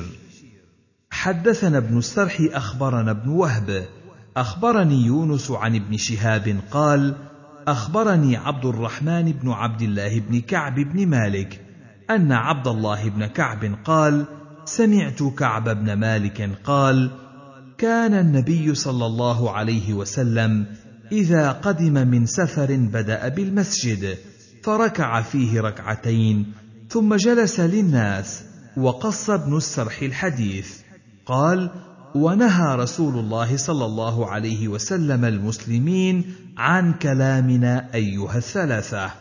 حتى إذا طال علي تسورت جدار حائط أبي قتادة وهو ابن عمي. فسلمت عليه فوالله ما رد علي السلام. ثم صليت الصبح صباح خمسين ليلة على ظهر بيت من بيوتنا.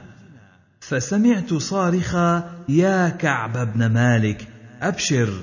فلما جاءني الذي سمعت صوته يبشرني نزعت له ثوبي فكسوتهما إياه.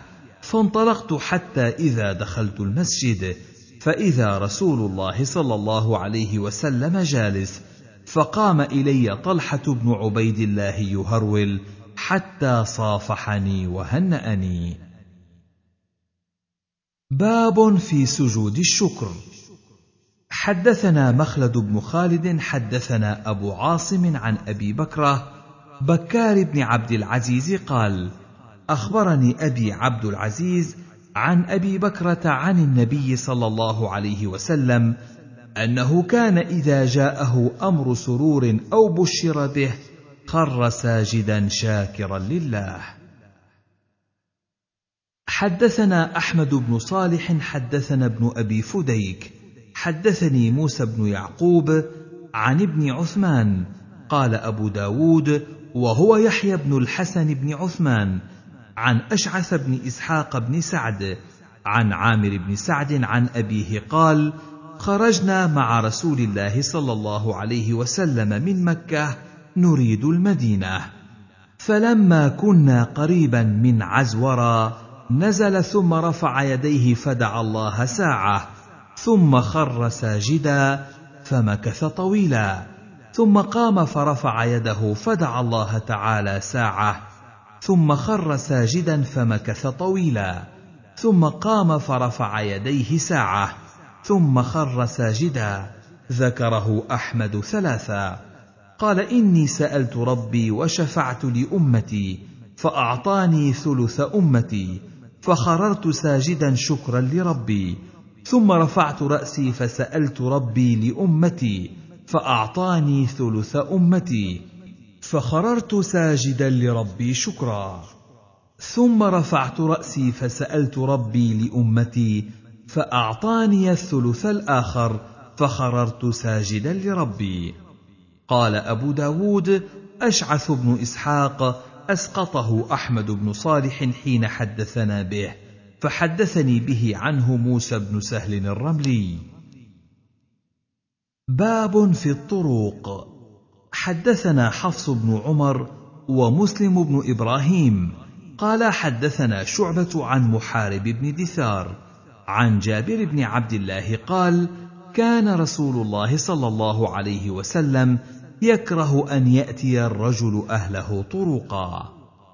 حدثنا عثمان بن أبي شيبة حدثنا جرير عن مغيرة عن الشعبي عن جابر عن النبي صلى الله عليه وسلم قال إن أحسن ما دخل الرجل على أهله إذا قدم من سفر أول الليل حدثنا أحمد بن حنبل حدثنا هشيم أخبرنا سيار عن الشعبي عن جابر بن عبد الله قال كنا مع رسول الله صلى الله عليه وسلم في سفر فلما ذهبنا لندخل قال أمهلوا حتى ندخل ليلا لكي تمتشط الشعثة وتستحد المغيبة. قال أبو داود قال الزهري الطرق بعد العشاء. قال أبو داود وبعد المغرب لا بأس به. باب في التلقي. حدثنا ابن السرح حدثنا سفيان عن الزهري عن السائب بن يزيد قال لما قدم النبي صلى الله عليه وسلم المدينة من غزوة تبوك تلقاه الناس فلقيته مع الصبيان على ثنية الوداع. باب فيما يستحب من إنفاد الزاد في الغزو إذا قفل. حدثنا موسى بن إسماعيل حدثنا حماد أخبرنا ثابت البناني عن أنس بن مالك أن فتى من أسلم قال يا رسول الله إني أريد الجهاد وليس لي مال أتجهز به. قال اذهب إلى فلان الأنصاري فإنه كان قد تجهز فمرض فقل له إن رسول الله صلى الله عليه وسلم يقرئك السلام وقل له ادفع إلي ما تجهزت به. فأتاه فقال له ذلك فقال لامرأته يا فلانة ادفعي إليه ما جهزتني به ولا تحبسي منه شيئا. فوالله لا تحبسين منه شيئا فيبارك الله فيه. باب في الصلاة عند القدوم من السفر. حدثنا محمد بن المتوكل العسقلاني والحسن بن علي. قال حدثنا عبد الرزاق أخبرني ابن جريج. قال أخبرني ابن شهاب. قال أخبرني عبد الرحمن بن عبد الله بن كعب بن مالك عن أبيه عبد الله بن كعب وعمه عبيد الله بن كعب عن أبيهما كعب بن مالك أن النبي صلى الله عليه وسلم كان لا يقدم من سفر إلا نهارا. قال الحسن في الضحى فإذا قدم من سفر أتى المسجد فركع فيه ركعتين ثم جلس فيه. حدثنا محمد بن منصور الطوسي حدثنا يعقوب حدثنا أبي عن ابن إسحاق قال حدثني نافع عن ابن عمر أن رسول الله صلى الله عليه وسلم حين أقبل من حجته دخل المدينة فأناخ على باب مسجده ثم دخله فركع فيه ركعتين ثم انصرف إلى بيته. قال نافع فكان ابن عمر كذلك يصنع. باب في كراء المقاسم. حدثنا جعفر بن مسافر التنيسي حدثنا ابن أبي فديك حدثنا الزمعي عن الزبير بن عثمان بن عبد الله بن سراقة أن محمد بن عبد الرحمن بن ثوبان أخبره أن أبا سعيد الخدري أخبره أن رسول الله صلى الله عليه وسلم قال إياكم والقسامة. قال فقلنا وما القسامة؟ قال الشيء يكون بين الناس فينتقص منه. حدثنا عبد الله القعنبي حدثنا عبد العزيز يعني ابن محمد عن شريك يعني ابن أبي نمر عن عطاء بن يسار عن النبي صلى الله عليه وسلم نحوه. قال الرجل يكون على الفئام من الناس فيأخذ من حظ هذا وحظ هذا. باب في التجارة في الغزو. حدثنا الربيع بن نافع حدثنا معاوية يعني بن سلام عن زيد يعني بن سلام أنه سمع أبا سلام يقول حدثني عبيد الله بن سلمان أن رجلا من أصحاب النبي صلى الله عليه وسلم حدثه قال لما فتحنا خيبر أخرجوا غنائمهم من المتاع والسبي فجعل الناس يتبايعون غنائمهم فجاء رجل حين صلى رسول الله صلى الله عليه وسلم فقال يا رسول الله لقد ربحت ربحا ما ربح اليوم مثله أحد من أهل هذا الوادي. قال ويحك وما ربحت؟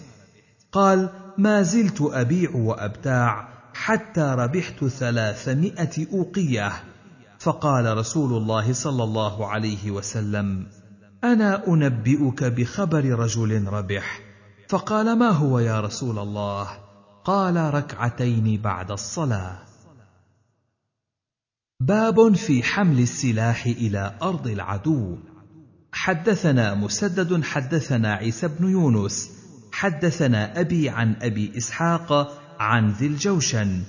رجل من الضباب. قال أتيت النبي صلى الله عليه وسلم بعد أن فرغ من أهل بدر بابن فرس لي يقال لها القرحاء. فقلت يا محمد إني قد جئتك بابن القرحاء لتتخذه قال لا حاجة لي فيه. فإن شئت أن أقيضك به المختارة من دروع بدر فعلت. قلت ما كنت أقيضه اليوم بغره قال فلا حاجة لي فيه. باب في الإقامة بأرض الشرك. حدثنا محمد بن داود بن سفيان حدثني يحيى بن حسان قال أخبرنا سليمان بن موسى أبو داود قال حدثنا جعفر بن سعد بن سمرة بن جندب قال حدثني خبيب بن سليمان عن أبيه سليمان بن سمرة عن سمرة بن جندب أما بعد قال رسول الله صلى الله عليه وسلم من جامع المشرك وسكن معه فإنه مثله. آخر كتاب الجهاد.